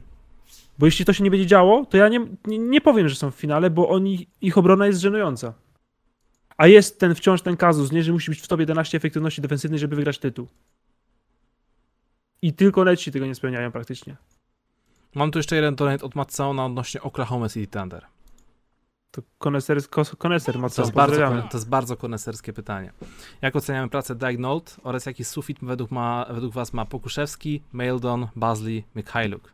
Czy Kendrick Williams nie powinien być w lepszym zespole jako rotacyjny gracz 7-8? By the way, sprawdźcie kontrakt Dariusa Millera, przypomina mi się Parsons. Powinien być Kendrick Williams w lepszej drużynie. Łukasz, odpowiedz na pytanie na temat Pokuszewskiego, bo jestem super ciekawy. Ciężko ocenić. Ciężko ocenić, ja nie wiem, czy on nie jest rozgrywającym w ogóle. Ja, ja, ja czekam na kolejny dobry mecz Ty- Tio Mal- Malidona. Maldon jest spoko, ale ja nie wiem, czy Pokuszewski nie jest rozgrywającym. Takim fałszywym, w ciele Bo wysokiego. kim in, no bo kim? Bo co on ma robić? No kim on ma być? Ja mam Ja nie, to jest ja kolejny pojęcie, gość. ja, ja mam pojęcie, ale nie będę ukrywał, Oklahoma za bardzo nie oglądam w tym sezonie. To tylko highlighty Pokuszewskiego Trzeba oglądam i lowlighty. Okej, okej, bo to trzeba być naprawdę koneserem już. Nikt nie daje lepszych fan to watch highlight plus lowlight niż Pokuszewski. Dobrze, sprawdzę sobie koniecznie. Dziękuję. Mm, Bartek, powiedz mi jeszcze, bo w sumie nie poruszyliśmy tego tematu, a na koniec streamu warto byłoby, bo to jest poważny kanał o koszykówce. Zwiastun kosmicznego meczu 2. Mhm. Na początku tylko tak liznęliśmy tego tematu, ale to jest w sumie dość istotna kwestia. kurczę, ile ty miałeś lat, kiedy wchodziła pierwsza część? W sensie, już byłeś takim świadomym dzieciakiem, czy, czy, czy to się dopiero później pojawiło? Bo chodzi, cho, pytam się Nie, dlatego, Dwa lata. Pytam się dlatego, bo wiem, że Space Jam jest takim filmem, który się pozytywnie ocena właśnie ze względu na taką magię nostalgii. Bo jeśli tam poczytasz sobie recenzję znawców kina i w ogóle, no to nie ukrywajmy, to był po prostu skok na kasę, próba spieniężenia legendy Michaela Jordana, próba ściągnięcia fanów, e, dzieci, dzieciaków do oglądania koszykówki i po prostu, wiesz, średnie, średniej jakości kino, ale idealnie zrobił swoją robotę, zrobił ogromną fortunę, target, dzieciaki byli zachwycone i do tej pory to jest ogromna magia. I wiesz, Space Jam 2 zapowiada się kompletnie tak samo, czyli spieniężamy wartość aktualnie najlepszego zawodnika w lidze, robimy z tego przeogromny blockbuster, e, ściągamy dzieciaków do kina. Mm. I chyba fajnie, nie? Wiesz co, ja nie widziałem Space Jam jak byłem taki totalnie jak wychodziło, bo miałem, byłem za młody po prostu, bo dopiero, obejrzałem go dopiero później, oglądałem jak byłem nastolatkiem, jak byłem dorosły i zawsze mi się podobało. Eee, czekam na to Space Jam 2, chcę zobaczyć i myślę, że tak będzie, ale i tak wszyscy fani koszykówki na niego pójdą, część pojojczy, część po nie, ale w sumie to nieważne, bo to nie jest film dla... To nie jest film dla nerdów koszykarskich To Znaczy- jest film dla dzieci. i rodzin. Takich, takich 10 lat, może nawet mniejszych. Tak, i ich rodziców. Tak. I tam myślę, że będzie bardzo dobry. Ja się strasznie jaram. Powiem ci właśnie, że wiesz, ja może za bardzo się skupiam na tych negatywnych komentarzach. Mięczą, zawsze mnie tu boli takie rzeczy. A co tam było napisanego? Chodzi mi po prostu o to, że wiesz, Space Jam wyszedł 25 lat temu, więc jak byłeś małym dzieciakiem, który oglądał Space Jam mając 8 lat, jak na przykład ja, ja miałem 8 lat i byłem w kinie na tym, to byłem zachwycony, mija 25 lat i masz 32, 33 lata, eee, to wiesz, dociera do ciebie to, że to już nie jest to samo, w sensie to nie jest, jesteś dorosłym facetem, nie? Jesteś dorosłym człowiekiem Tak, tak. i robią sequel i no nie masz prawa się denerwować na to, że ten sequel jest też filmem dla dzieci, że to nie jest dalsza część, że nie jest tam stary Michael Jordan i to nie jest, wiesz, kino dla dorosłych, dojrzałych osób, tylko to To, jest wciąż remaster, to jest, nie? to jest wciąż dokładnie to samo, co 25 lat temu. Czyli robimy film dla dzieci, na który pójdą dzieci, albo rodzice z dziećmi i tyle. I, i czemu cię to boli? Będą się że, bawić. I czemu cię to boli, że to już nie jest film dla ciebie, nie? Skoro już masz 33 lata, a nie 10. Czy tam 8. Dokładnie. I tylko o to mi chodziło. I naczytałem się strasznie dużo tych komentarzy i tak wiesz, tak się zastanawiałem, że kurczę, bardzo dużo jest takiego negowania tego, że jeśli ktoś chce zrobić coś dokładnie tego samego, em, co kiedyś, to to w ogóle nie powinno się w ogóle odbyć, że to nie jest fajne, że LeBron James depcze po legacji Michaela Jordana, wiesz, takie, takie pierdoły Bla, bla, się bla, no. naczytałem i po prostu tak mnie to po prostu boli, wiesz, ja jestem, Mówiliśmy ja nie, to. Ja, ja, nie mam, ja nie mam dzieciaków, ale jakbym miał kilkuletnie dziecko, to bym po prostu poszedł do kina i spędziłbym quality time z moim dzieckiem i byśmy później to wspominali, być, być może ten dzieciak by się zajarał koszykówką i miałby później miłe wspomnienie, że był z ojcem w kinie. Wiesz, na takim filmie, który zajarał go koszykówką. I tylko tyle, i aż tyle. Mówiliśmy to przy okazji nowej płyty Grubego Melskiego. Ja nie mam absolutnie żadnego problemu z tym, że jeśli coś było dobrego, ktoś wyda mi coś podobnego znowu. Mhm. To nie musi być najlepsza rzecz w historii. Nie musisz, nie musisz na tego oglądać, jeśli widziałeś pierwszą i dla ciebie to nie jest to, ale to jest, kurde, nic złego w tym nie ma. A z drugiej strony, jakby nie było LeBrona Jamesa i nie byłoby w ogóle tej dyskusji, czy nie byłoby nudnie, może jest fajnie, że ktoś rzuca wyzwanie. I właśnie na wielu polach i dobrze że się dzieje, a na koniec chodzi właśnie o dzieciaki, które myślę, że będą się jarać jak cholera. Tak. Fajne jest też to, że w filmie są wzięte koszykarki. To jest, wiesz, z, naj, z najwyższej, em, z, naj, z, największego topu. Diana Turazi, w końcu gold żeńskiej koszykówki, to jest świetna rzecz.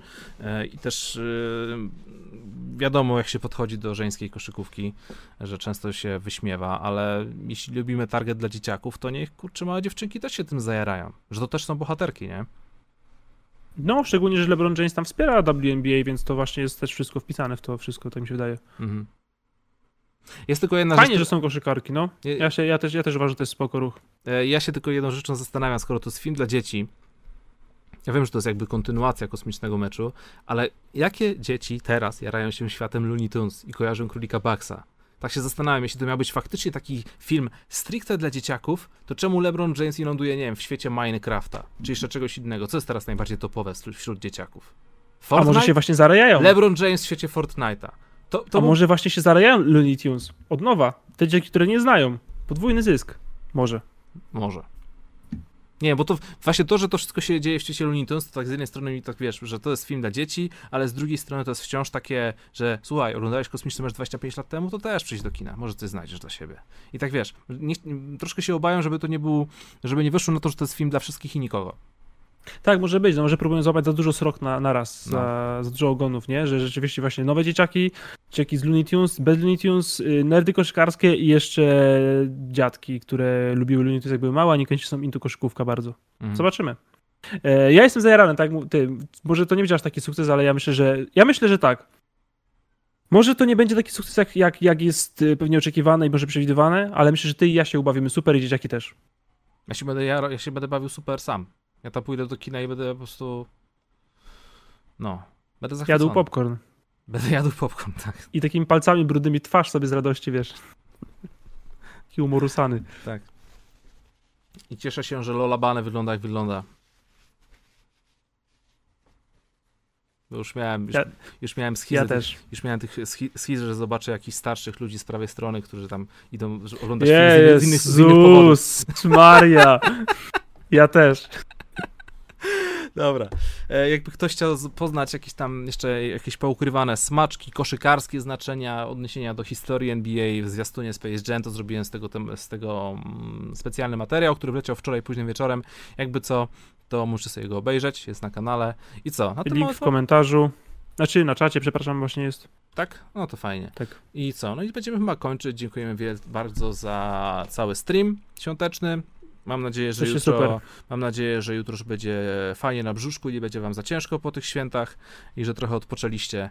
Słysz, widzimy i słyszymy się za tydzień, a w środę oczywiście studio również się pojawi w wersji audio na serwisach streamingowych, takich jak na przykład Spotify. To prawda. Jesteście super, wbijajcie za tydzień, nabijamy tysiąc łapek, bo dzisiaj się nie udało, ale wybaczymy wam to, ponieważ były święta. Tak jest. Pozdrawiam serdecznie, do następnego razu. Cześć. Go San Antonio.